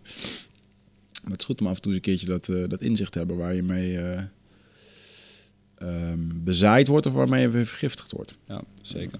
Ja. Ja, het voordeel bij mij, ik ben ook heel graag alleen. Dus ik heb, als ik dan denk, oh, ik heb niet zoveel mensen om me heen, denk ik, oh, dat is voor de komende periode eigenlijk best wel lekker. Ja. Laten we Ja, even zitten. Sommige mensen willen natuurlijk het liefst elke dag of eh, vier keer in de week met mensen omgaan. Ik zou daar helemaal krankje Ja, over dat kan ook een toewerking zijn. Ik red dat echt denk niet. ik dan. Want eh, ik, zo, ik heb dat eens een keertje bijgehouden voor mezelf. Ik, hoor, ik ga, geef mezelf een betere score de volgende dag als ik sociaal contact heb gehad. Maar ik heb wel heel weinig sociaal contact. Ja. Dus ik zou dat meer moeten doen. Maar wat is de toedekking dan, bedoel je? Eh, nou, bedoel in je de als je zin, dat zegt? oh, ik denk dat heel veel mensen eh, niet alleen kunnen zijn. Dus Oh, dan zo. ga je vrienden zoeken, biertje Oh, zo. drinken. Ja, ja, ja, ja, ja, ja, kan ook koffie ja, zijn op ja. Facebook of, eh, of Ik dacht die- het, het wegvluchten van mensen, het alleen zijn, dat dat toedekking is. Ja, zo. Nee. Dat Ja, dat, dat kan ook. Ik denk dat er heel veel mensen ook wel een kluizenaar kunnen zijn om gewoon eh, dat ze het gezeik vinden. Nou Ja, dan zei, en eerlijk, ja, en eerlijk gezegd refereer ik nu wel eens naar mezelf. Ik kan mezelf wel afsluiten van de wereld. Gewoon laat maar, weet je wel. Gewoon, eh, Ja? ja. Is toch heerlijk? Ja? Is wel heerlijk. Ik denk, dat het denk dat het, ik denk dat het soms nog wel eens... eh, ja, als ik dan wat van mezelf zou mogen veranderen... dan denk ik af en toe, nou, daar zou je dan... Maar dan zit ik misschien naar, naar sociaal verantwoord, maatschappelijk antwoord Ja, ik te weet zoeken voor mezelf. Ik ben gewoon heel prima op mezelf. Ja, ik ook. En Ja. ik probeer dat ook in te bakken voor mezelf tegenwoordig. Ik probeer eens in de zes tot acht weken nu. Eens, ik ben relationeel best druk, eh, zoals jullie weten. Eh, Nee, dus leg nee, uit, nee, Michel. ja, nou, ik heb nog wat te doen door de week. dus ik, ben, ik bak eens in de zes tot acht weken pak ik een, bak ik een focusweek in. Dan ben, dan ben ik gewoon op mezelf, ben ik thuis, ben ik helemaal nergens anders als daar. Kan ik lekker mijn ding doen. En ik heb dat ook gewoon zo af en toe even nodig. Want ik merk dat ik daar weer tot mijn goede ideeën kom. En dan herstel ik en dan kan ik mijn eh, eh, herkalibreren. Ik kan me zo in mijn hoofd weer even Ja. op, op Ja, orde ja. maken. Eh, en ik denk dat dat het eh, eh, voor een boel mensen... ehm, die ook in relaties zitten... eh, waarbij je elkaar de hele dag door ziet, elke dag weer... Ik merk altijd dat als ik even eens in zoveel tijd gewoon even een tijdje op Mhm. mezelf ben geweest en je komt weer terug, zeg maar, is ook helemaal anders. En Ja. ehm, een boel mensen die, eh, eh, die denken dan inderdaad, het is, eh, is toch raar om een, we- een, eh, een week alleen weg te gaan. Is toch, eh, vinden jullie elkaar niet leuk of zo? Weet je wel? Nou, nee, dat is het niet. Maar het is gewoon heel fijn om gewoon even wat tijd voor mezelf te hebben. En die moet je een beetje durven pakken. Ik denk dat, dat, eh, dat dat belangrijk is. Is dat niet een beetje dat we... eh, wordt, ook een beetje, ja, wordt ook een beetje bij die, die opvoeding dat dat wordt afgeleerd om, om in je, op, ja, op gemak te kunnen zijn in je eentje. Onderzoek geweest of zo. Hè? 35% van de mensen die ondervraagd werd, wil je een elektrische scho- schok of wil je 15 minuten in een kamertje zitten, eh, niks doen. En dat 35% zei, geef maar die elektrische schok. Want wat moet ik, eh, waar moet ik aan denken in die 15 minuten? Gewoon, ja. Oh, zo. Jan Geurt zei dat ook in onze podcast. Jij zet de gemiddelde westerner hier in een kamer. Hij wordt ongemakkelijk. Gaat zich Ja. doodongelukkig voelen. Toch die gedachte. Ja, maar is dat ook niet alleen de eerste 15 minuutjes even? Ah, weet ik trouwens niet. Met die Vision Quest van eh 12 heeft zie je natuurlijk ook wel dat mensen daar een aantal standaard fases doorgaan. en dat is, Eh, een- dat is een dag. Weet je nog dat ik op zoek was naar, die, naar een plek voor die Vision Quest. En dat ik dat vertelde tegen die eh, eigenaar. Van hey, eh, 24 uur. Hij zo, 24 uur? Wel lang hoor. Ja. Kom, Ja, ja. kom hier, kom hier af en toe managers voor een uur. Dan zitten ze op een boomdak, worden ze wel gek. Hilarisch. Ja, Moet je zo de schoenveters afpakken. Ja. Oh, wauw. Mooi.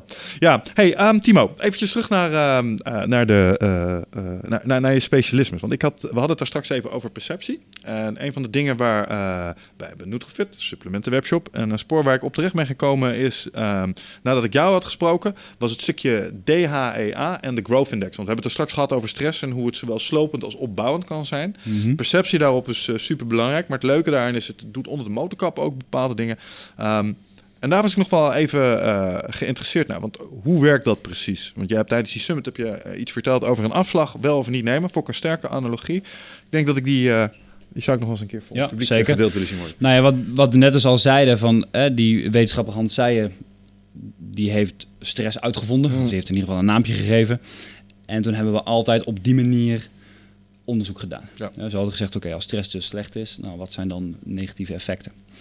En voor ongeveer 15 jaar geleden hebben de wetenschappers gezegd, zeggen ja, maar eigenlijk klopt er iets niet, Mhm. want als we al zoveel weten over stress, hè, we weten meer en meer, steeds meer inzichten, ehm, toch zijn we nog steeds belachelijk slecht en we worden ook slechter in stress, want nog steeds meer burn-outs, meer stressgerelateerde klachten, meer gezondheidsproblemen. Dus dat kan niet, dat je zoveel over iets weet en dat je er nog steeds zo slecht in bent. Mm. Hè, Dat, dat, is, dat is onmogelijk. Ja. Dus dan hebben de wetenschappers gezegd, hé, hey, maar weet je wat nou als we even helemaal terug gaan naar het begin? Hè, dus ik had toen inderdaad de ehm, analogie, ehm, je rijdt met een auto of je fietst met een fiets op een paadje. En op het moment dat je stress tegenkomt, hebben wij eigenlijk alleen maar geleerd, je kan alleen maar links. Dat is de optie. En dan heb je cortisol, slaapproblemen, Mhm. nekklachten, hoofdpijn, et cetera, et cetera, et cetera. Die mensen die hebben gezegd, ja, maar wat nou als voordat je stress tegenkomt op dat paadje, wat nou als we daar gewoon mensen verteld hebben dat je links en rechts kan? Dus dat je inderdaad links kan als stress als slecht ervaren wordt eh, en dat je dan dat krijgt.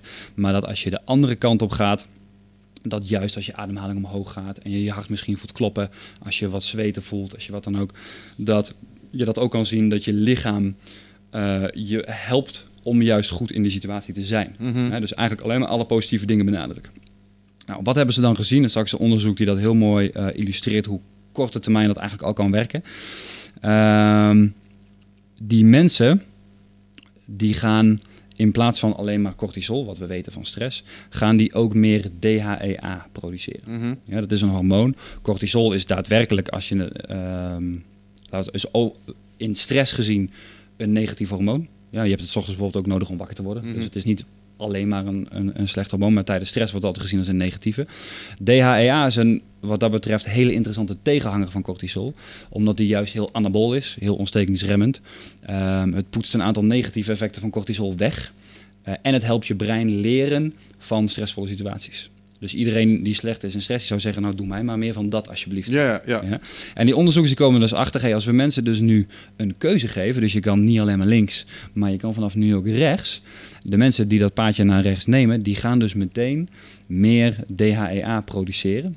En ze hebben in ieder geval in heel veel studies al gevonden dat het de sleutel kan zijn in eh, slaapproblemen, eh, nekklachten, hoofdpijn en dat soort zaken. En binnen het bedrijfsleven zelfs tot een beter samenhorigheidsgevoel als het toch stressvol is op de werkvloer. Dus even Dat soort zaken. recap. Ik kom in een stressvolle situatie. Ik kan een standaard pad kiezen waarbij ik zeg: Oké, dit is kloten voor me. Kut, ik heb stress, ik ga eraan. Of ik kan actief denken: Ah, vet, mijn lichaam helpt me.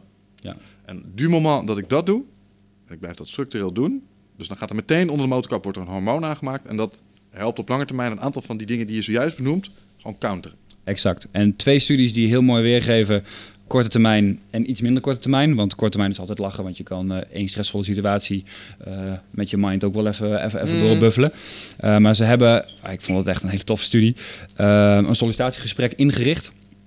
Eh, zo stressvol mogelijk, groot panel, eh, vier, vier mensen aan zo'n staatje tafel. Eén iemand was geïnstrueerd om om de zoveel minuten nee te knikken. De ander die was soort dingen aan het opschrijven. De ander was moeilijke vragen aan het stellen. Weet je, gewoon echt, echt kut. Je, Ondertussen je moest je een Tom Poes opeten zonder vorkje. ja. zou een goede toevoeging. Je moet dus met die mensen gaan kletsen. Ja, zou wel goed zijn. Ehm, nou ja, los van dat die mensen wel weten, ik kom hier niet voor mijn droombaan. Ervaren die mensen wel stress. Het is Ja. meetbaar dat mensen zich ongemakkelijker voelen en dat je daarna meer cortisol in je lijf hebt. Wat hebben ze nou bij de helft van die mensen gedaan? Die hebben ze vijf minuten van tevoren hebben ze die een gestandardiseerde uitleg gegeven over dit principe. Zo van, hé, hey, we weten eigenlijk dat als je juist er positief ingaat, Mhm. Ehm, dat er een aantal reacties gebeuren en dat dat ten goede gaat van. En die minuten van tevoren, die zorgen er meteen na het sollicitatiegesprek al voor dat je meer DHA in je lijf hebt. Mm. En dat is, ja, eigenlijk kan je dat niet omvatten, weet je, dat is, dat is echt bizar, want je hebt nog niks getraind. Iemand heeft je gewoon, je staat voor een deur, iemand die vertelt je wat en die zei, hey, zo en zo en zo en zo. Je gaat naar binnen. En eigenlijk kom je er al iets anders uit. Nog niet in de waarde dat je meteen denkt, oh, dit was een makkie. Dat niet. Nee. Maar ze hebben dit verder doorgebracht in 2009. Ehm Amerikaans bedrijf UBS eh, in de crisis verloor bijna de helft van zijn aandelen. Er gingen heel veel mensen op straat. Eh, daar was nou echt bij uitstek stress. Mhm. Eh, op die werkvloer waar de, de mensen die daar nog wel werkten, die kampten met allerlei stressgerelateerde klachten. Ja, want die wisten niet of ze hypotheek nog konden blijven betalen, vrouw, kinderen, nou, noem het maar op. Ehm, wat hebben ze nou, nou gedaan? Ze hebben gedacht, weet je wat, we splijten toch dat bedrijf in uh, twee groepen. En we gaan ze allebei helpen. We gaan de ene helpen op naar links. Dus stress is slecht, cortisol proberen het maar te vermijden. En de andere op de nieuwe manier. Um, het mooie was dat Um, de interventie die ik als eerst nu omschrijf, is eigenlijk een beetje de standaard interventie. Mm er zit een groep mensen die zeggen, nou, het is geen geheim, het gaat hier nu heel slecht. We hebben heel veel stress, we kunnen ook niemand zijn baan garanderen. Uh, we weten dat er veel slaapproblemen zijn, hoofdpijnklachten, dat dat komt door stress. Maar luister jongens, stress is gewoon echt heel slecht. Dat komt door het cortisol wat geproduceerd wordt. Probeer alsjeblieft thuis uh, wat meer buiten te wandelen. Weet je, een beetje dat soort advies, wat best wel vaak gegeven wordt. Um, en voilà, that's it. Weet je, dat is wat we kunnen doen. Mm. Aan de andere kant hebben ze dus dit verhaal verteld. Want toen hadden ze die growth index hadden ze al wel redelijk, redelijk uitgefigureerd. En hebben ze dus juist dat verhaal verteld. Van hé, hey, luister, we weten dat stress slecht is voor het lijf. Maar uh, de mindset die je daarin hebt, kan ervoor zorgen dat je meer DHA produceert. En dit is hoe je dat moet doen. Je moet daar positief tegen aankijken. Je kan er een paar oefeningetjes over doen. En die groepen die zijn ze gewoon gaan volgen. En binnen twee maanden um, was er met die eerste groep eigenlijk nog steeds hetzelfde. Die wisten wel dat stress slecht was, maar die hadden er gewoon een toename van stress, dus toename van klachten. Um, bij die andere groep gebeurde er iets heel interessants, want die hadden verder niet echt interventies meer gehad. Geen coaching sessies, geen uh, sparren, helemaal, helemaal niks. Maar die zeiden van ja, ja ik, ik slaap eigenlijk beter. Uh, er waren veel minder lage rugklachten, hoofdpijnklachten. En wat heel interessant is voor bijvoorbeeld het bedrijfsleven voor stress op de werkvloer. Het samenhorigheidsgevoel was in die groep weer toegenomen. En eh, met significante mate. Mensen denken van ja, we hebben toch wel het idee dat we het in deze situatie gewoon echt samen doen met z'n hmm. allen. Hoe komt dat, denk je? Nou ja, ehm, in ieder geval is het zo dat uh, ik geef mensen ook vaak wel eens een opdracht mee als ik dit heb uitgelegd. Want mensen vinden het heel moeilijk om deze opdracht te implementeren. Want het is niet van werk dit af en je bent klaar. Je hmm. vertelt ze eigenlijk een bepaalde visie. Het is onderbouwd. Maar daarna stuur je ze eigenlijk gewoon de wereld weer in. Het is niet van ga ochtends 10 minuten door je, door je buik ademhalen, bij wijze van. Dus vinden mensen lastig. En dan zeg ik van joh, luister, maak eens um, los van dat DAA al ook zorgt voor samenhorigheidsgevoel. Um, houden mensen er toch wel heel erg van om dingen te weten die andere mensen niet weten. Mhm. Dus ik geef vaak de opdracht mee, zeg ik, hey, voor deze week, als je toch een oefening wil, ga maar eens op je werk, als je dit weekend een verjaardag hebt, uh, in gesprekken met mensen. Ga maar gewoon eens een beetje bij jezelf een soort van in je hoofd turven. Uh, hoe vaak praten mensen nou negatief over, slecht, uh, over stress? En op Facebook en op social media. Welke berichten zijn er eigenlijk allemaal ingesteld op dat negatieve beeld, dus op die weg naar links? Mhm. En hoe meer je dat voor jezelf kan herkennen, hoe meer mensen een beetje dat gevoel krijgen van, oh, ik weet iets wat jij niet weet. Weet je wel, zo van. En ik, ik ga daar dus op een andere manier mee om. En dat, dat helpt ze uh, dat veel meer eigen te maken. Mm uh, en, en je merkt, ja, je merkt dat dat heeft een bepaald effect. Dat kan ik nog niet omschrijven, want daar kwam ik zelf in de praktijk gewoon achter. Uh, maar qua samenhorigheid ook is DHA, uh, oxytocine zal er ongetwijfeld ook wel iets mee te maken hebben. Ja. die ervoor zorgt dat je weer meer meer bij elkaar bent. Daar zat ik enerzijds aan te denken, dus misschien door het hormonaal iets. Anderzijds denk ik ook dat de dynamiek op de werkvloer verandert op het moment dat je nu... Um, zijn wij met z'n allen, is ons verteld, stress is oké. Okay. Zeker nog, stress kan je opbouwen. En voorheen, als je vertelde, oh, ik ben echt fucking gestrest, jongen, had je het gevoel dat je een klein beetje een achting aan het dalen was. Want je had last van iets uh, en je kon het niet dragen. En dat geef je liever niet toe. Maar nu kunnen we het plots over iets hebben met oh, elkaar. Ja. Snap je? We kunnen het erover hebben en het is ineens een, een gedeeld ding van, ja, ik heb uh, stress, man. Ja. Dat is best wel. En dat je daarom, omdat er geen, geen stigma meer op zit, stress hebben is niet slecht, sterker nog, het is goed geworden. Ah, ik ben gestrest, man, ik ben het goede. Ehm, dat je er op een andere manier mee omgaat, dat je het beter deelt, dat het uh, plots een common enemy wordt, wat de stress veroorzaakt. En dat daar ook een soort uh, verboedering in plaatsvindt. Zoiets. Ik vind dat heel logisch, dat is een mooie, uh, mooie aanvulling. Ja. ja. Ja, ik denk dat daar zeker, dat, dat zeker een groot, groot aspect kan zijn. Hey eindbazenluisteraar, dankjewel dat je zit te luisteren naar deze podcast. Ik onderbreek hem eventjes voor een hele belangrijke boodschap. Of misschien liever gezegd een uitnodiging.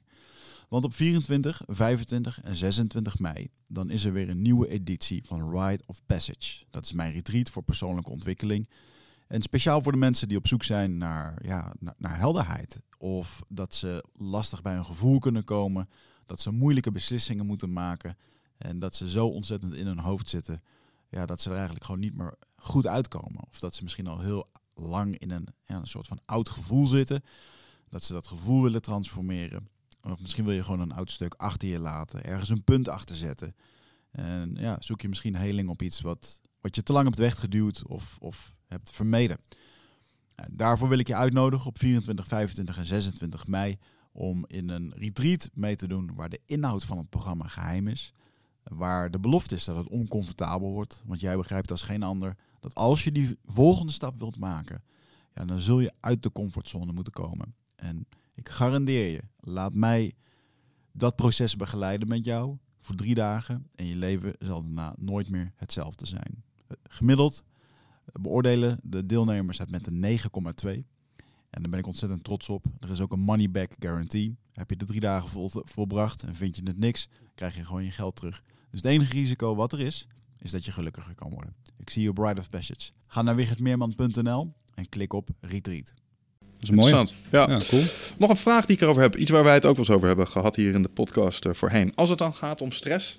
ehm, en, en we hebben het over, we zijn steeds ehm, eh, slechter geworden in omgaan met stress. Bestaat er zoiets als, ehm, is stress, eh, stress ehm, een absoluut iets of een, een relatief iets? We hebben hier wel eens een discussie gehad. Ehm, iemand die nooit iets heeft meegemaakt en die komt in situatie, die ma- maakt voor het eerst een, eh, een, eh, een break-up mee Ja. stress, het meest stressvolle wat je ooit hebt meegemaakt. Kan echt bijna even erg zijn als iemand die al best wel wat levenservaring heeft. Uit wordt gezonden naar een moeilijk land eh, voor een militaire missie. En die ziet daar wat afschuwelijke dingen. Ehm, en mijn houding was altijd, ja, oké, die shit nou met elkaar vergelijken. Ieder weldenkend mens eh, zal inzien dat je dat echt compleet anders ervaart. En de hoeveelheid stressknikkers die situatie A genereert ten opzichte van situatie B, eh, die is compleet verschillend. Waarop Wiggertsen een weerwoord was, ja, maar dat ligt wel een beetje aan je referentiekader en wat je hebt meegemaakt. Wat weet jij daarvan? Ja. Nou ja, dat heeft veel te maken met het limbisch systeem. Eh, het lim- limbisch systeem worden emoties, eh, gebeurtenissen eh, worden, worden opgeslagen. Eh, een mooi voorbeeld wat ik van een docent eh, had van de opleiding osteopathie bijvoorbeeld. Ehm, die had een keer op een vakantie, eh, vlucht van KLM. Eh, en die was tijdens die vlucht onwel geworden, overgegeven. Echt vervelend. Had daar eh, vier uur op het toilet gezeten. Dan wil je in een vliegtuig ook niet. Eh, heel oncomfortabel. Ehm, Zo'n gebeurtenis wordt ergens opgeslagen. Dat ben je niet zomaar kwijt. Mm. Ehm, hij had intussen tijd best al wel wat meer gevlogen. eh, zonder problemen. Totdat hij weer met KLM vloog. Ah. En dezelfde geur, kleur, beleving weer opriep. En dan is het limbisch systeem het systeem wat zegt... Haha, dat heb je dus hieraan gekoppeld, maat. Poef. En toen werd hij, ja, ja. werd hij fysiek gezien echt weer ziek. Hè, Echt weer misselijk, echt weer zweten. Want dat is op die manier aan elkaar gekoppeld. En ja, het is, het is zeker weten zo, maar je ziet het in de praktijk natuurlijk gigantisch. Je kan er wetenschappelijk ook helemaal uitpluizen. Het is zeker weten zo dat als je in dat limbisch systeem allerlei dingen al hebt, hè, dus eigenlijk een, een, een, soort van, een soort van archiefkast met allerlei ervaringen, in combinatie met je eigen vertu- overtuiging wat je daarvan vindt. Want er zijn ook mensen die hebben heel veel dingen meegemaakt en de eerstvolle stressvolle situatie worden ze alleen maar slechter van Ja. omdat ze continu denken, oh, dit overkomt mij weer en, Ja. weer en dat weer. Weet je, die heb je ook. Hè? Die hebben dus eigenlijk al een hele grote bagage, maar die, die blijven dat maar in de visuele cirkel naar beneden zeggen. Ja, dat kan ik allemaal niet. Ehm, maar dan is dus de combinatie van het limbisch systeem en je eigen perceptie. Heeft het je beter gemaakt of slechter gemaakt? Mm. Dat maakt in mijn beleving dan hoe je daar fysiek mee omgaat. Ja. Eh, ik ben bijvoorbeeld vroeger gepest. Er zijn heel veel mensen die vandaag de dag op mijn leeftijd denken... Oh, ik ben vroeger gepest, ik heb er nog steeds heel veel last van. Ja. En ik heb daardoor nooit gedaan wat ik echt wil. Ja. Zo heeft een leraar ooit een keer in, in een ouder gesprek gezegd van... eh, Timo moet nooit van groepen staan laten, dat zal hem niet goed doen. Nee. Dus, hè, En elke keer als jij nu voor een groep zit, denk je, motherfucker. Die heb je precies. hem. nou, het, het heeft nog veel meer gedaan met het limbisch systeem van mijn moeder. Want die elke keer als ik daar kom, die zegt zo, ja, die docent, hè, nou, die zou ik nog wel een keer willen spreken. die zit daar, die zit daar emotioneel, zit die daar nog veel meer aan. Maar eh, ik ben gepest, dat was heus niet fijn. Ehm, ik heb wel meer dingen meegemaakt. Mm.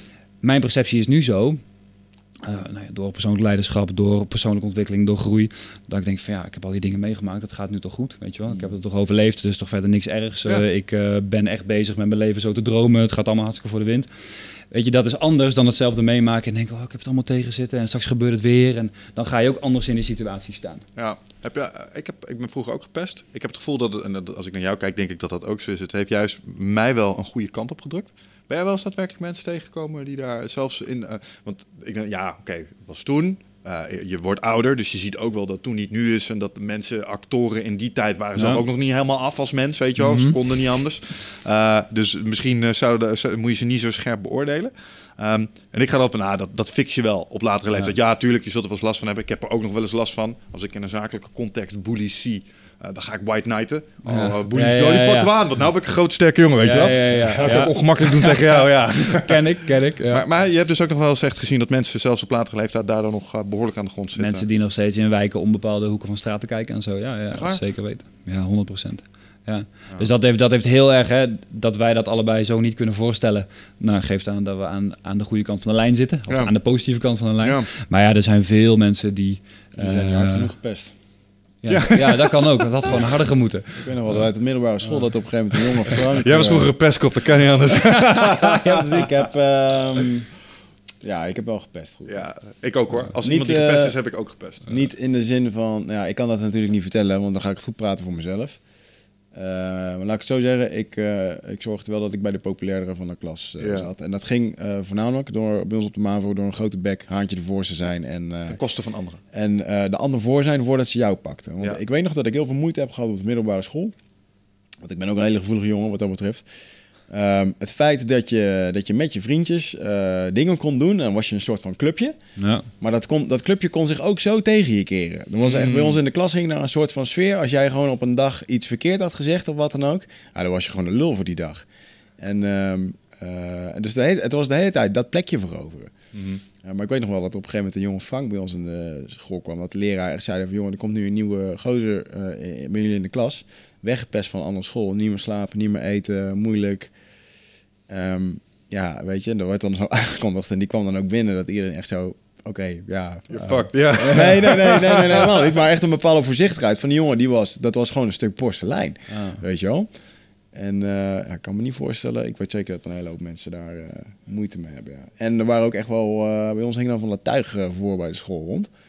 En dat waren gewoon echt... eh, ik weet nog wel, er was één jongen. Die reed altijd op zijn sitaatje rond. Ja. En die was dan een soort van tof. Want die ging niet meer naar school. Die was er vanaf getrapt. En er hing dan allemaal van het gruis hing dan omheen.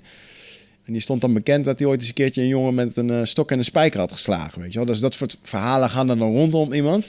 Ja, als zo'n gozer je gewoon aankeek, dan... eh, Was je al bang? Ja, ja, ja. hoe, erg dat dat je wereld. En voor sommigen was dat echt een soort van missie om rond hem te hangen.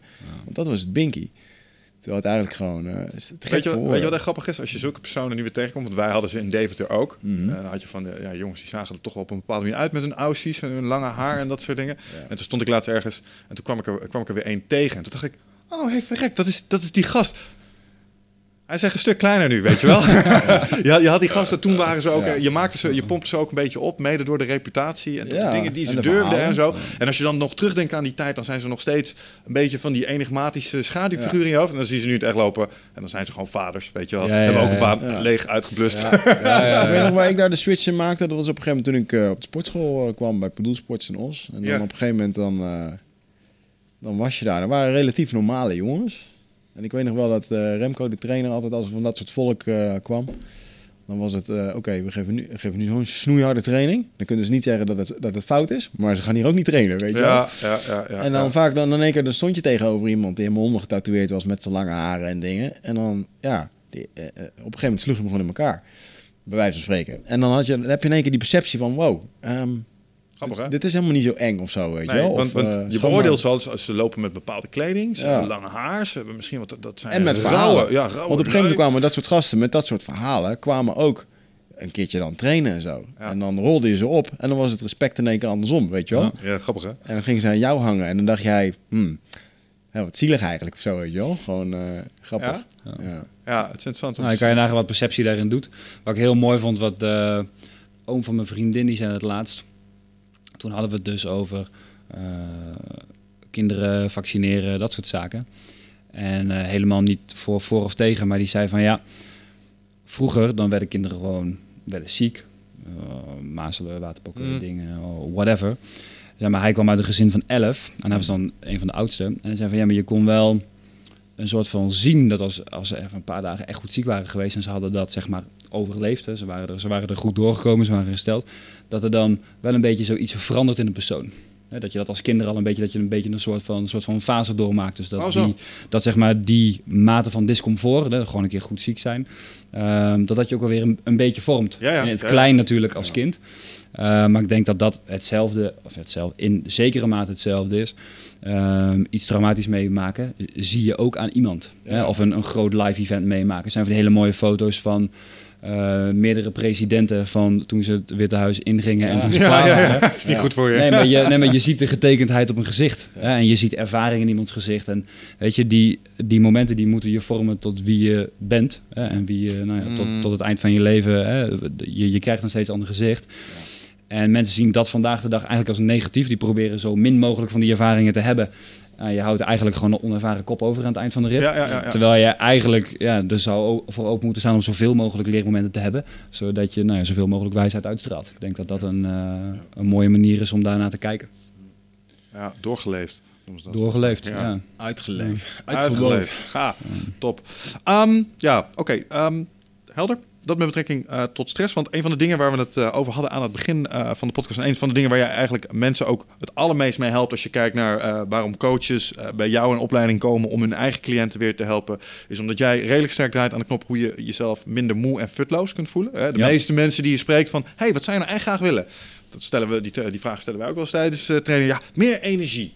Uh, Ja. Meer fut, meer actiegerichtheid. En uh, ja, wat, wat is dat nou eigenlijk? Um, daadkracht, dat is je op een bepaalde manier voelen, toch? En, en je gaat aanzienlijk makkelijker over tot moeilijke dingen doen als je op een bepaalde manier voelt. Laten we het energiek en bruisend noemen. Nou, um, stress en je verhouding tot stress is daar een belangrijke factor, factor in. Maar er zijn er meer. Je hebt een zes domeinen model uh, bedacht. Ja. Um, Stel je zit naar deze podcast luisteren en oké, okay, dat stressding, dat is kicken, maar ik ben inderdaad, oh, ik ben gaar, jongen, en ik ben moe. En het is, uh, als ik 's ochtends opsta, dan voelt het als een vijf. En misschien wordt het een vijf en een half, maar als ik thuis kom, is het zeker een vier. En Ja. holy fuck. Ja, ja, ja. Uh, hoe ga ik dit uh, ooit nog jaren volhouden? Nou, daar ben jij een soort van superspecialist in. Even los van je perceptie op stress. Wat, zijn, wat is laaghangend fruit voor de gemiddelde luisteraar? Um, wat ik het belangrijkste vind.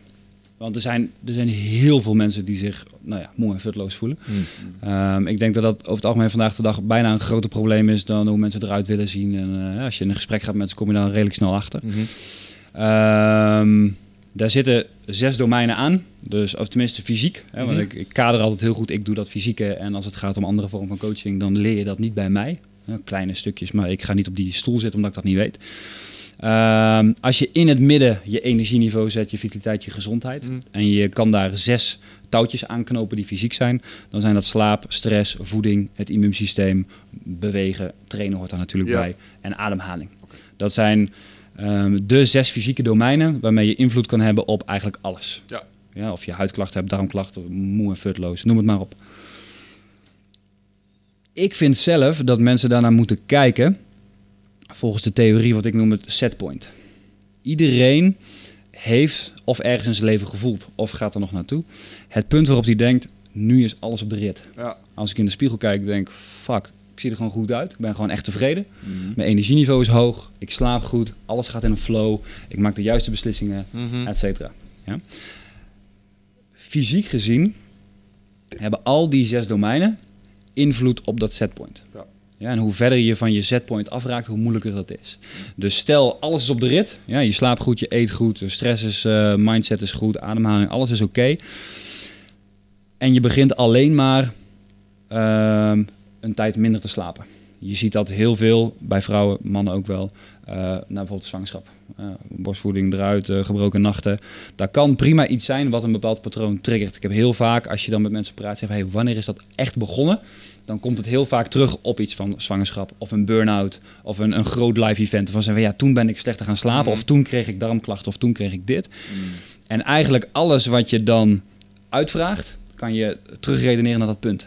Dan zeg ik ook altijd dat dat is eigenlijk het verhaal van die persoon. Elke persoon die binnenkomt met een klacht, wat voor hulpvraag het ook is, die heeft een bepaald verhaal. Mhm. Dat is ergens begonnen en toen zijn er bepaalde dingen getriggerd geraakt. Van het slaapprobleem is het gerold in darmklachten, et cetera. En laten we even dan bij bijvoorbeeld uh, slaap blijven. Als iemand slechter gaat slapen, dan triggert dat allerlei responsen. En dat setpoint, dat raakt daardoor langzaam uit balans. Mhm. En daardoor kom je wat kilootjes aan. Daardoor Uh, word je wat onzekerder, daardoor ervaar je wat meer stress, daardoor ga je wat hoger ademhalen. En in het begin is dat nog vrij onschuldig, maar de meeste mensen lopen al een aantal jaren met die klachten. En dat patroon wordt steeds dominanter. Mm. En ik hou er heel erg van om dat eerst te vertellen. Om mensen zoeken vaak naar een quick fix. Van hey, als die dat vertelt, ga ik dat als eerste doen. Maar het zesde model is altijd een compleet model. En er mhm. zijn altijd, je kan een relatie leggen van slaap- naar darmklachten, maar ook andersom. En ook van dit en ook van dat. Dus het is vrij complex. Het laaghangend vooruit, uh, daar zijn er zeker een paar van. Maar ik wil altijd dat mensen eerst realiseren van... Hey, je moet niet kijken per se naar uh, kilocalorieën in een app en je moet niet per se gefocust dit en gefocust dat. Je moet kijken van hey, wanneer voel ik mij het lekkerst? Mm Setpoint, daarop te focussen. En dat mhm. zijn fysiek gezien, als je daarop wil focussen, die zes parameters. Grootste laaghangend fruit, uh, wat het allermakkelijkste pak is en waar de meeste mensen binnen soms al twee weken, maar binnen drie, vier mhm. weken zeggen van joh, ik ga van de vier naar een acht aan energieniveau, ik weet niet wat me overkomt, uh, is me altijd frequentie. Dat, is, dat is echt het laaghangend fruit. Um, en zelf, ja, ik vind het echt schandalig. Uh, dat we frequentie in de zin van verhogen of verlagen? Verlagen. Althans, als je uitgaat van het gemiddelde. We leven in een cultuur, net als waar nou ja, stress ook in een bepaalde cultuur is, leven we heel erg in een cultuur om uh, ontbijt tussendoortje, middag tussendoortje. Hè. Dat wordt vanuit diëtiek um, aangeswengeld. Dat wordt vanuit andere goed bedoelde, eh, altijd goed bedoelde adviezen wordt dat aangeswengeld. Um, en nou, je kan het fysiologisch kan je dat helemaal uitkleden. Maar als je in de praktijk ziet wat er gebeurt als mensen gewoon drastisch veel minder vaak gaan eten, mhm. dan kan je er niet omheen dat dat um, ja, het, het grootste laaghangend fruit is. Ja, nou, deze kan ik wel beamen. Ja, en ik heb natuurlijk wel eens een keertje eerder een, uh, een kleine podcast opgenomen bij Nutrofit. En toen uh, was dit met name het onderwerp waar we even op zijn ingezoomd. En ik heb toen een tijd lang inderdaad uh, IF, Intermittent Fasting, ben op 16,8 ja. gaan zitten. En holy shit, dat deed echt een boel in de, in de ervaren energie. En met name overdag, wat ik dan deed, is ik at pas om een uh, nou ja, afhankelijk van hoe laat ik had gegeten die avond uh, ervoor, zeg maar. Maar ik probeerde 16 uur niet te vasten. Dus dat betekent dat ik soms pas om 5 uur of soms pas om 6 uur een eerste maaltijd ging nemen. 6 uur niet te eten? 16 uur niet. En dan Niet te eten, ja. Je ja. zei 16 uur niet te vasten. Oh, sorry, ja, niet te eten, pardon. Ja. En um, dat deed echt een boel. Maar met name tussen de oren merkte ik. Hmm. Um, meer focus, meer helderheid, uh, minder ja, je, als je nou over de, teruggrijpt naar de Muppets. Uh, ik heb een heel mooi actielijstje. En die Muppet die wordt met name heel actief als ik bepaalde dingen moet doen waarvan ik denk, oh, vind ik eng of heb ik geen zin in een rotklus. Dat, dat werd echt beduidend minder. En ik weet niet eh, wat precies het verband is tussen die mentale staat en het minder eten. Maar dat was echt heel prominent. Dat ik dacht van, oh, dat is interessant. Ja. Um, misschien kun je daar iets meer over vertellen. Maar ik merkte het inderdaad. Nou, van een 4 naar een 8 ja, nou, ik denk dat dat niet. nou, ik zat niet op een 4, maar ik heb wel echt een aantal punten in de energieverbetering uh, waargenomen. Hoewel nu we weer fanatiek aan het trainen zijn, moet ik het wel meer loslaten. Maar dat is volgens mij niet helemaal, niet helemaal standaard. En komt dat dan niet omdat je. Want nu met de trainer merk ik zelf dat ik een calorie tekort kreeg. Ja, ik moet meer eten. Klaar. Eet gewoon moeilijk. En dan kom ik aan 2000 calorieën. Echt, dan heb ik echt moeite gedaan om veel te eten. 3500 gemiddeld momenteel. En uh, nu hebben we dan van die, uh, hoe is het? Van Huel, schrijf je het. Mm Die plantaardige uh, gainers. Dus gewoon 500 calorieën in één shake. Ja. ga ik super goed op overigens. En, uh, uh, en ik voel me er ook beter door. Want ik merkte op een gegeven moment dat ik aan het trainen was... en dat je jezelf aan het afbreken bent. Ja, maar daar heb ik daar, maar, daar inderdaad nog wel... Maar om in die 8 uur dan 3500 calorieën... wat je nodig hebt om te kunnen groeien in jouw geval... Nee. Dat is, dat is echt veel eten. Ik moet, in, ik moet dan weer meer eetmomenten inbakken. Uh, tenzij je nu uh, een betere tip voor ons hebt. maar laten we even beginnen bij... Uh, nou ja, we gaan al richting twee, drie vragen. Dus ja, ik laten we naar de eerste gaan. zeg maar. Wat, wat, is het, wat is het ding dat ervoor zorgt dat, dat je energiepunten omhoog gaat... op het moment dat je minder gaat eten? Want dat voelt tegenintuïtief. Laten we daar beginnen. Ja, dat voelt super tegenintuïtief. En dat is ook het leukste in lezingen bij bedrijven... om lekker daarmee te beginnen. Want dan denken mensen... Ach, rottig op. Eigenlijk is de enige juiste vraag om jezelf te stellen... als je zegt, ja, ik zit lager met energie als je dan daarover wat wil weten, om daar nuttig gezien wat op uit te doen, dan moet je weten um, hoe wordt energie gemaakt in het lichaam. Mm. Want als je weet hoe dat werkt, dan zou het zomaar eens kunnen dat daar wat dingen achter schuilen waarvan je denkt, oh vrek, dit kan ik doen. Mhm. En we kunnen grofweg op drie manieren energie maken. Of niet grofweg, we kunnen gewoon op drie manieren energie maken. Mechanisme 1 is het makkelijkste mechanisme. Je eet iets, uit die maaltijd kan je meteen glucose omzetten mm. tot energie. Ja, kan je gebruiken, klaar. De meeste mensen doen het in de ochtend. Je ontbijt, ehm, je haalt daar energie uit. Je denkt, hé, hey, de start van mijn dag, toppie. Heel veel mensen die weten wel wat er gebeurt als je twee uurtjes wacht. Dan worden heel veel mensen hangry. Dan worden ze een beetje chagrijnig. Uh, denk aan de oude reclame van Snickers, weet je wel. Je bent Ja. net een uh, wijf hier, neem, neem een Snickers, dat idee. Dan is dat, dat mechanisme van glucose, de hoeveelheid die erin zat, die is op.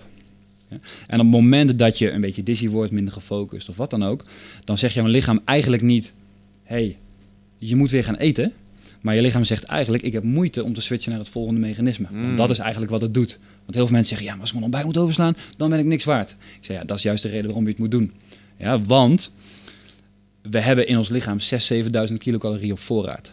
Ja, dat ligt gewoon in onze lever. Dat is gewoon klaar om gedistributeerd te worden op het moment dat die schaarste er is. Ja. Ja? En mensen die zich moe en futloos voelen, nou, die zien we heel veel. Ehm, daar vertel ik dat ook altijd. Ik zei, je kan niet moe en futloos zijn, want in jouw lichaam heb je dit op voorraad liggen. Je kan er alleen geen aanspraak op maken. Dus op het moment, stel je hebt wel ontbeten, je bent twee, drie uur verder en je zou niet eten, hè, sommige mensen lunchen gewoon, dan ga je naar mechanisme 2. En dat is een proces dat noemen ze gluconeogenese, nieuwvorming van glucose. Dat proces vindt zich plaats in de lever. De lever maakt vanuit eh, glycogeen weer glucose, dropt het in de bloedbaan en je hebt eigenlijk hetzelfde als mechanisme 1. Ja. Daar kan je, dat is een goed wetenschappelijk feit, om en bij de 10, 12 uur kan je daarop eh doorbeduren. Ja, daar kan je het gewoon goed op doen, gefocust. Dat is het punt. Laten we even in de praktijk blijven. Ehm, avondeten. Je besluit eh, na het avondeten niet meer te snacken. Dus je hebt gewoon avondeten gehad. Dus eerst mechanisme 1 weer, want je hebt gegeten, glucose. Ehm, op een gegeven moment is het op. Voordat je gaat slapen switch je ongeveer naar mechanisme 2. En in de ochtend word je voor de keuze gesteld, ik heb honger. Want je bent aan het eind van mechanisme 2. Ja? En op het moment dat je lichaam heel sterk zegt, ik heb honger. Dan zegt het eigenlijk wederom, ik kan niet van 2 naar 3. Ja? Of je moet eten, natuurlijk, want je moet wel eten. Je kan niet nooit eten, want dan ga je dood. Ehm, wat doen de meeste mensen? De meeste mensen eten ehm, op gevoel van eens trek krijgen. En daarom is de hele, eh, het hele concept van zes keer per dag eten is super comfortabel. Als we het weer hebben over comforta- comfortabel en omgaan met stress. Weet je? Het is de comfortabelste manier om zodra mechanisme 1 een beetje op is, te zeggen, oh, ik ga weer eten. Ik ga dat weer doen. Wat je wel creëert, is dat je steeds minder vaak mechanisme 2 aanspreekt. En we hebben het nog niet eens gehad over mechanisme 3. Ja? Het feit is dat je uit mechanisme 1 en 2, ja, uit een molecuul glucose, kan je 17 keer ATP maken. ATP heb je voor elk actief proces nodig. Ja. Ik zeg tegen de leek, met alle respect altijd, dan kan je 17 keer energie van maken. Ja. Punt. Ja? Stel, je bent langer nuchter dan die 2, 3 uur bij elkaar en die 10, 12 uur bij elkaar. Ja? Dan kom je richting het feit dat het lichaam zegt, oeh, wacht even, 1 en 2 zijn op. Nu moet ik richting 3. Ehm, op het moment dat dat zover is, hè, want je bent lang genoeg nuchter geweest, dan is dat een prima gezond mechanisme. Hè? En dan ga je in één keer verbranden op vetlichaampjes, op ketonen. Ja? Het grote voordeel, daar merk jij de focus en de dingen ook van. Op het moment dat je op ketonen verbrandt, ben je niet meer afhankelijk van je bloedsuikerspiegel. Want je brandt niet op glucose, dus je hebt daar, heel- je hebt daar niks mee te maken. Dus mensen voelen zich vaak enorm gefocust. Hè, zoals we hier nu zitten, wat zal het zijn? 1 uur of twee, ik weet niet zo goed. Ik heb niet gegeten vandaag, want ik wist, hey, scherp zijn, weet je, Mhm, goed, eh, het goed doen. En ik doe dat, nou ja, ik eet ook een beetje tussen 12, 1 en 7, zoiets eet ik een beetje. Ehm, dat plus op een ketonenverbranding, hè, één molecuul glucose, wat ik net zei, in mechanisme 1 en 2 is 17 keer energie. Maar één molecuul vet is 100 keer energie. Ah, En dat is wat mensen merken. Je krijgt eigenlijk, je gaat naar een autodealer, er staan twee dezelfde auto's. Want hey, ze zijn even duur, maar eh, die loopt 1 op 17, die loopt 1 op 100. Welke wil je? Voilà. Duidelijke zaak. Ja? Ehm, op het moment, want wat het is, mensen willen graag weten wat is goed, wat is slecht. Dat bestaat niet hierin. Je hebt alle drie de mechanismes, heb je tot je beschikking. Ja? En ik hou er heel erg van, mensen zijn gewoon de flexibiliteit verloren om te switchen van 1 naar 2 en van 2 naar 3. Omdat ze zo vaak beetjes eten. Ja. En op het moment dat mensen alleen al, hebben we het nog niet eens over wat je inhoudelijk zou moeten eten, dat is nog een heel ander punt natuurlijk, maar op het moment dat mensen alleen al weer zeggen, hey, ik ga bijvoorbeeld drie of vier keer in de week langer dan 16 uur nuchter zijn, want ik ga eens kijken of dat derde mechanisme weer een beetje kan trainen, dan kom je in de eerste week, soms de tweede week, wat oncomfortabele momentjes tegen, dat je eventjes duizelig wordt of dat je, dat je eventjes iets tegenkomt. Maar binnen no time merk je, goh, wat is het eigenlijk makkelijk om lang nuchter te zijn. En als ik nuchter ben, voel ik me eigenlijk super energiek. ja. Wat, wat, wat is het? eh, ehm, is dat ook switch? Ik heb nog steeds, ook toen ik aan het vasten was, er is altijd wel even zo'n moment in de ochtend. Ik neem dan wel koffie. Soms met een beetje Ja. boter, toch nog wel in het begin de bulletproof Ja, variant. want dat, bulletproof, ja, de- mij is verteld dat kan wel in combinatie Ja. met eh, IF, intermittent fasting. Maar dat is wel altijd even zo'n omslagmoment. Dan word ik even een beetje zuur in mijn maag zo. Twee, drie minuutjes. En dat trekt dan op een gegeven moment weg. En dan is het ook alsof er een soort eh, mist een beetje optrekt. Mhm. Maar je, ik, ik voel die switch volgens mij heel actief. Tenminste, ik denk dat dat, Dat de kan. switch is tussen die twee systemen. Dat kan. Komt echt vanuit Ik voel, het, eh, ik voel het zelf het meest nadrukkelijk eh, na een vakantie. Eh, ik hanteer dit soort principes ook wel tijdens vakantie, maar veel losser. Want hey, Ja. voilà, we zijn allemaal mens. Ehm, maar ja, hoe losser ik dat benader een tijdje, eh, dan zegt mijn lichaam ook alweer... oh ja, we waren even wat minder flexibel, nu pak je het weer op. Ja? De truc is hiermee wel dat hoe langer je het doet... ehm, ja, er kunnen wat, wat kleine dingetjes zijn. Misschien is het zo ehm, dat als je juist ehm, de koffie voor, voor jou als persoon het juist een weekje skipt, dat je denkt, ik voel het niet meer. Eh, Mhm. Het zou wel kunnen dat het eraan ligt. Want Ja, komt ja, ja. wel met die boter komt er ook vet don't- binnen. Don't touch my coffee, man. nee. Dat is, geen optie. Nee. Nee. Ja, ik, ik ben gewoon helemaal gekoffie. Ik lust het gewoon ook echt helemaal niet. Dus Oh, ik, ik, ik, ken de, ik ken de relatie niet, maar ik hoor van mensen dat dat iets, eh, iets magisch kan zijn. Dus bl- blijf het vooral doen. In ieder geval is het wel zo dat het is een teken van ehm, een nog iets verminderde flexibiliteit. Wat heel vaak werkt, is ehm, eh, nuchter ook gaan sporten. We zijn echt gemaakt, ehm, zeg maar ook helemaal vanuit vroeger evolutionair gezien, we zijn gemaakt om, vroeger toen we wakker werden, ja, je had geen koelkast, je had niks, dus je ging eerst op zoek naar eten. En dat was heus niet altijd jagen, maar dat was ook gewoon dingen verzamelen. Ehm, dus we zijn gewoon, het zit echt in ons DNA. We hebben veel meer jaren eerst nuchter naar dingen gezocht, bewogen, soms Mhm. wel gerend en gejaagd en gedaan. Dus je ziet heel vaak dat het voor mensen heel veel makkelijker is om ehm, bijvoorbeeld twee keer in de week dan ook wel nuchter te gaan sporten. Omdat je moet je voorstellen, je wordt 's ochtends wakker en je zit zo aan het einde van dat tweede mechanisme. Ja? Ehm, de glucose is, of glycogeen is bijna op. Op het moment dat je heel duidelijk gaat sporten, dan verbruik je veel meer glucose. En dan zegt het lichaam, ah, we gaan voor twee is echt op drie. Hoppakee, daar gaan we. Terwijl sommige mensen zo'n beetje de ochtend nog een beetje doorsukkelen. Dat ze zo'n beetje, oh, een beetje zich niet heel erg lekker voelen daarin. Ja. Ehm, dus nuchter sport is daarin een heel belangrijk element. Ehm, waarbij het bijvoorbeeld best wel interessant is eh, om te weten. Want heel veel mensen zeggen, ja, maar nuchter trainen, dat kan niet. Want eh, dan kan je nooit gefocust zijn. Hè? Dan kan je nooit door. Ehm, het interessante gesprek bijvoorbeeld over hoeveelheid calorieën is misschien nog wel interessanter. Eh, maar er zijn prima eh, marathonlopers bijvoorbeeld, om even een lekker extreem voorbeeld te noemen. Eh ondergewichtheffers en krachtsporters zijn ze er ook. Ehm, die een ritueel hebben dat als ze echt een belangrijke wedstrijd hebben, ze 24 uur van tevoren nuchter zijn. Ja? Zodat ze al een tijd in dat derde mechanisme zitten. Ehm, de hele wedstrijd nuchter lopen. Ja, dus niet eten, ook geen jelletjes, geen fancy shit, helemaal niks. Vervolgens het water wat ze krijgen, voornamelijk over hun hoofd te gieten om te koelen. Want een koelingsmechanisme in het lichaam is heel belangrijk. Dan Ja. kunnen je darmen, je brein, je handen kunnen dat vooral heel goed. Die kunnen koelen om je darmtemperatuur ehm, laag te houden. En als je darmtemperatuur laag blijft, kan je blijven gaan. Oh. Dus het moment dat mensen op een marathon in elkaar storten, hè, dat, is, dat, dat drastische verhaal, dat zijn bijna altijd blanken. Die kunnen genetisch gezien al minder goed koelen dan bijvoorbeeld een Keniaan. Ja, ja, ja. En dat is het moment. Dan zeg je lichaam, joh luister, eh, brein en darmen prioriteit. Het is nu zo hoog aan temperatuur, schakel die spieren maar uit, want het kan niet verder. ja. Dat is, dat is, het, eind, dat is het, het eindmoment. Ehm, en die mensen, die Keniaan die dus dan eigenlijk al, eh, nou ja, 8, pff, ah, nou, 27 uur nuchter zijn. Die komen over de finish, die doen nog een ererondje, doen een interview. Weet je, die gaan daarna een keer wat eten en die zijn prima. Ah. En eigenlijk is dat heel logisch. Binnen het crossfitten bijvoorbeeld ook, is het ook heel normaal om hele hoge maaltijdfrequentie te hebben. Want we hebben het altijd al zo gedaan. En tuurlijk, er is ook onderbouwing daarvoor. Het is niet dat het een onderbouwt het ander niet. Het zijn gewoon verschillende kanten. Maar eigenlijk is het heel logisch. Het enige wat mensen niet willen tijdens sport is dat ze de man met de hamer tegenkomen. Mhm. Dat punt wil je niet. De, de man met de hamer zit in de bloedsuikerspiegel.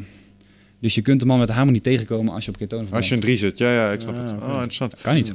Ja, misschien verklaart het ook wel waarom je... Oké, helder, helder, eh, helder antwoord met betrekking tot waarom meer energie. Ehm, eh, ik heb zo nog wel een vraag inderdaad over hoe fixen we dan... ehm, dat je niet in deficit komt als je trainingintensiteit omhoog gaat, Ja. zoals bij ons het geval was. Dus dat vergt dan een aanpassing, maar misschien kun je dat anders oplossen.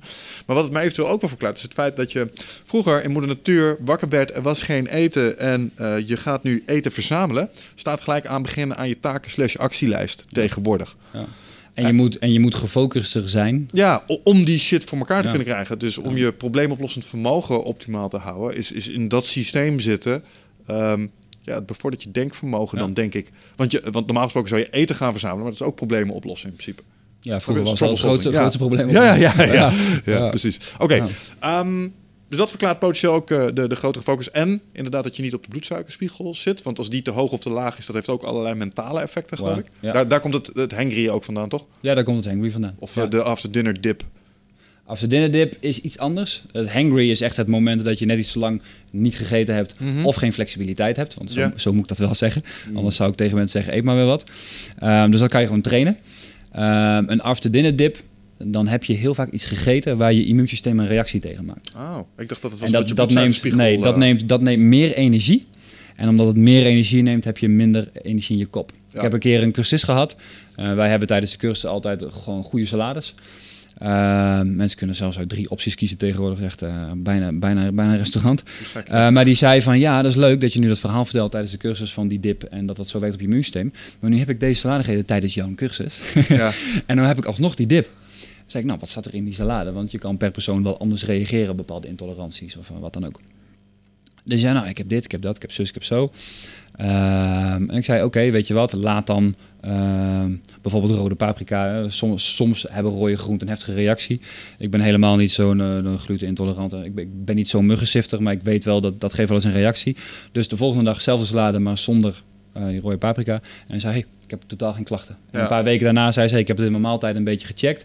En eigenlijk elke keer als er zoiets in zit, heb ik een dip. En elke keer als er niet in zit, heb ik het niet. Ja, ja, ja, ja, Ja, dus Het, het, is, het is vaak een reactie op iets. Ik heb het heel sterk eh, met brood bijvoorbeeld. ja. Ik vind brood super lekker. Ik eet het voornamelijk bij mijn schoonouders en dan gewoon hagelslag. En eh, weet je, dat is mijn momentje om, eh, om, om te vieren. Maar ja, ik weet wel dat ik dan daarna heb een beetje een dip. Nou, ja, dat neem ik dan maar voor lief. Weet je. Ja, dat begrijp ik. Ja. Dat, is, dat is ook een ding wat je destijds aanhaalde. Is dat, wat, wat je heel eh, eh, eh, pakkend is, je moet het in principe zo zien. ehm, je maag-darmkanaal is eigenlijk ook een soort van buitenkant. Dus je gooit het erin, het loopt door je hele lijf heen, Ja. maar dat heeft ook een soort eh, bescherming. En jouw lichaam vertrouwt jou niet. Die gaat vanuit, hey, deze gast is een idioot. Die kan maar zoiets naar binnen gooien wat Ja. niet helemaal compatible niet is met de biologie. Ja. Uh, dus we gaan ervan uit dat elke keer als jij iets eet of drinkt, uh, zetten we de verdediging aan. Uh, en uh, dat kost ongeveer een derde van de energie.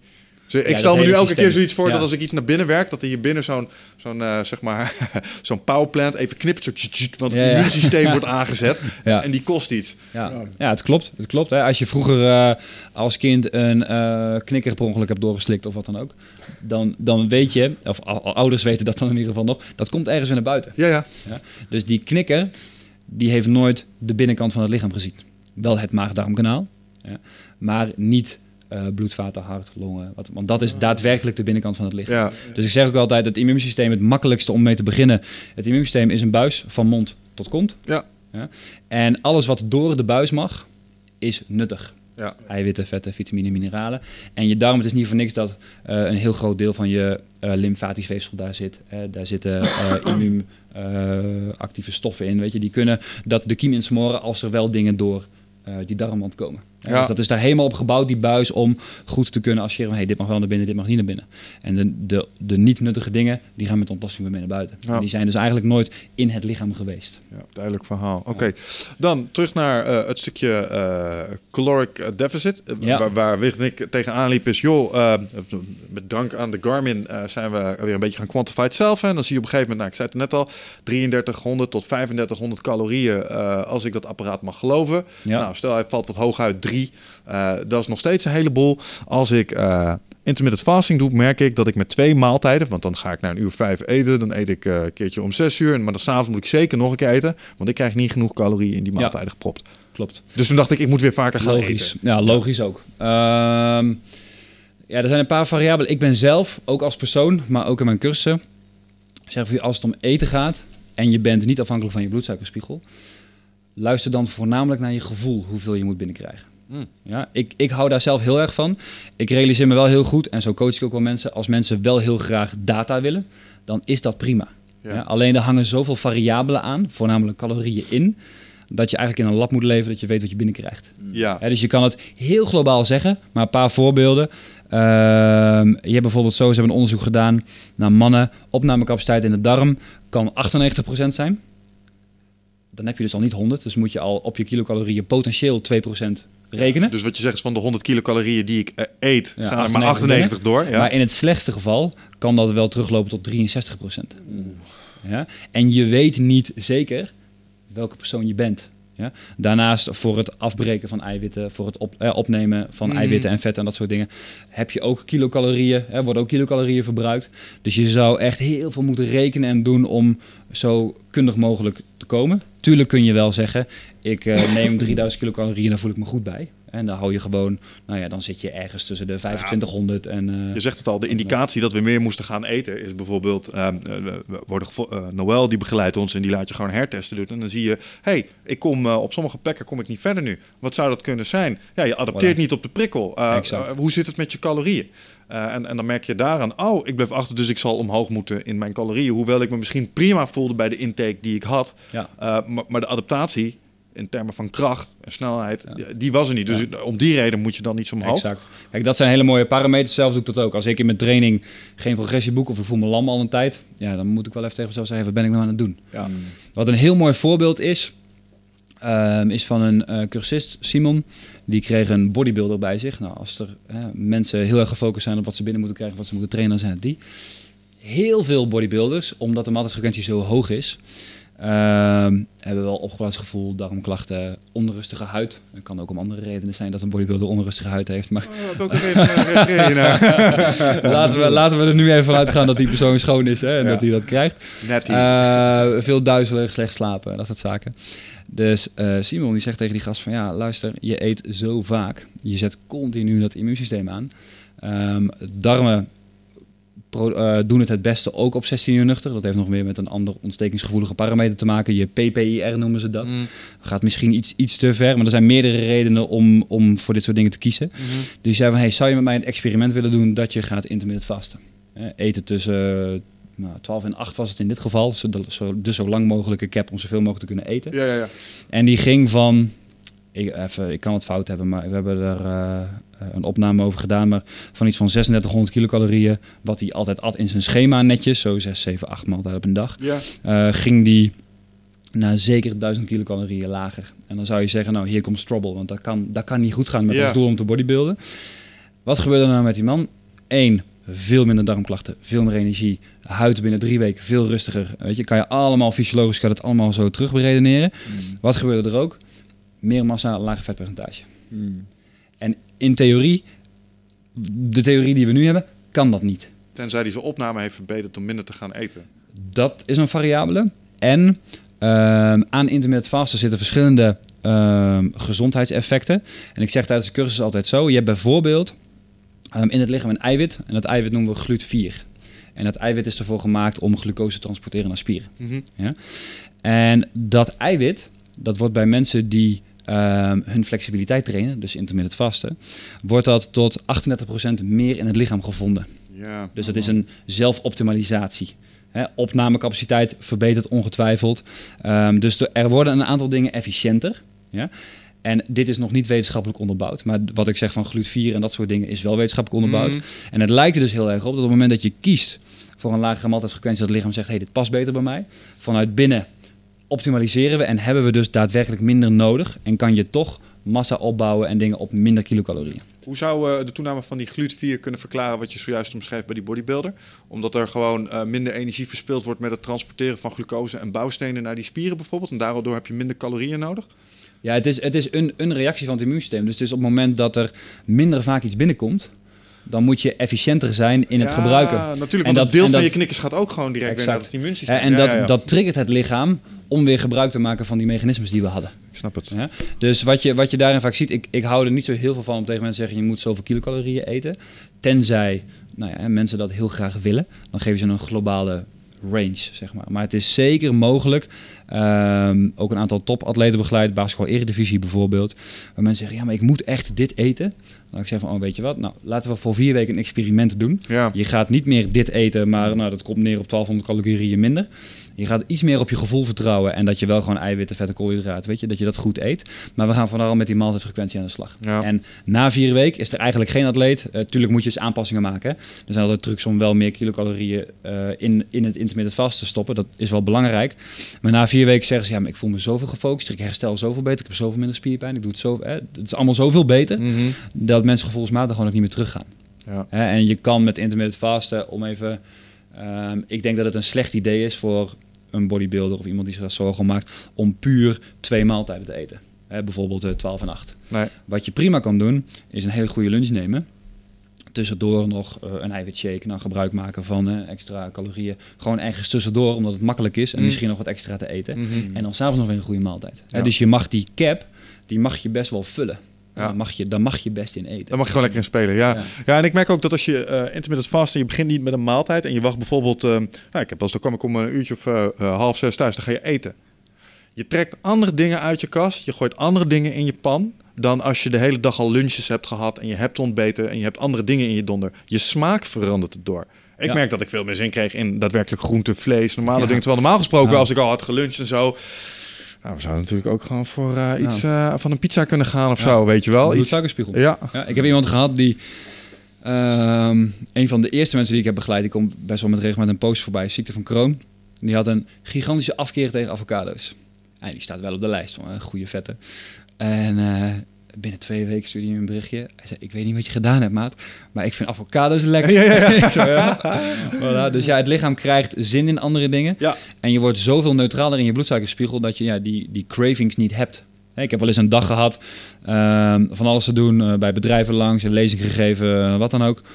En eh, had ik niet de tijd gevonden om te lunchen. En daar kwam ik om vijf uur kwam ik erachter. En ik had ook niet ontbeten. Dan zeggen mensen, dat is hartstikke ongezond, hartstikke slecht. Kijken hoe gefocust ik ben, hoe goed ik me voel. ja. En je hoort het juist niet door te hebben dat je hem altijd geskipt hebt. Ik had dat wel weer in, weet je wel. Mijn lichaam trekt dat wel weer recht. Eh, maar mensen denken juist, nee, maar dan heb ik het gemist. Ik kan niet meer zonder. En dat geeft ook weer, ja, dat geeft juist een negatief beeld van je lichaam eigenlijk. Dat je denkt, ik heb die maaltijden zo nodig en Ja, ik moet ja, dan ja, eten, dan ja, en dan ja. eten. En ja, ik hou ervan als mensen gewoon meer op mijn lichaam vertrouwen daarin. Nou, dat sowieso, jongen. Ik denk dat we met z'n allen eh, ons veel fragieler voelen dan dat we zijn. Ja? Dat menselijk lijf is een robuuste machine, jongen. Ja? Kijk, kijk, sowieso, als je naar kijkt naar waar het voor bedoeld is qua eten... en hoe sommige mensen hun levensstijl eh, hebben momenteel en wat ze erin gooien... Ja. en dat ding het blijft doen met die rommel erin. Ja. Dat is gewoon knap. Ja, het is heel indrukwekkend. Het is heel indrukwekkend. Ja, soms dan hebben mensen, sturen mensen me ook een lijst op. En ik, hoe lang heb je deze gewoond al? Oh, oh, jaren. Dat ik denk, weet je, wel, hoe, hoe blijf jij overeind? Ja. Ja. het is echt fenomenaal wat het lichaam kan in, eh, in eh, buffercapaciteit. En, en in dat kader, hè, je had het net over echt eh, best ook wel langere periodes niet eten. Er is één ding bij het, het vasten wat ik nog eventjes kort wilde aantikken. En dat is als je de 24 uur overgaat...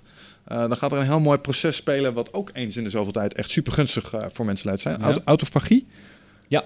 Wat, Ja. Wat, wat is dat precies? Ehm, Oeh, daar spreek ik niet dagelijks over.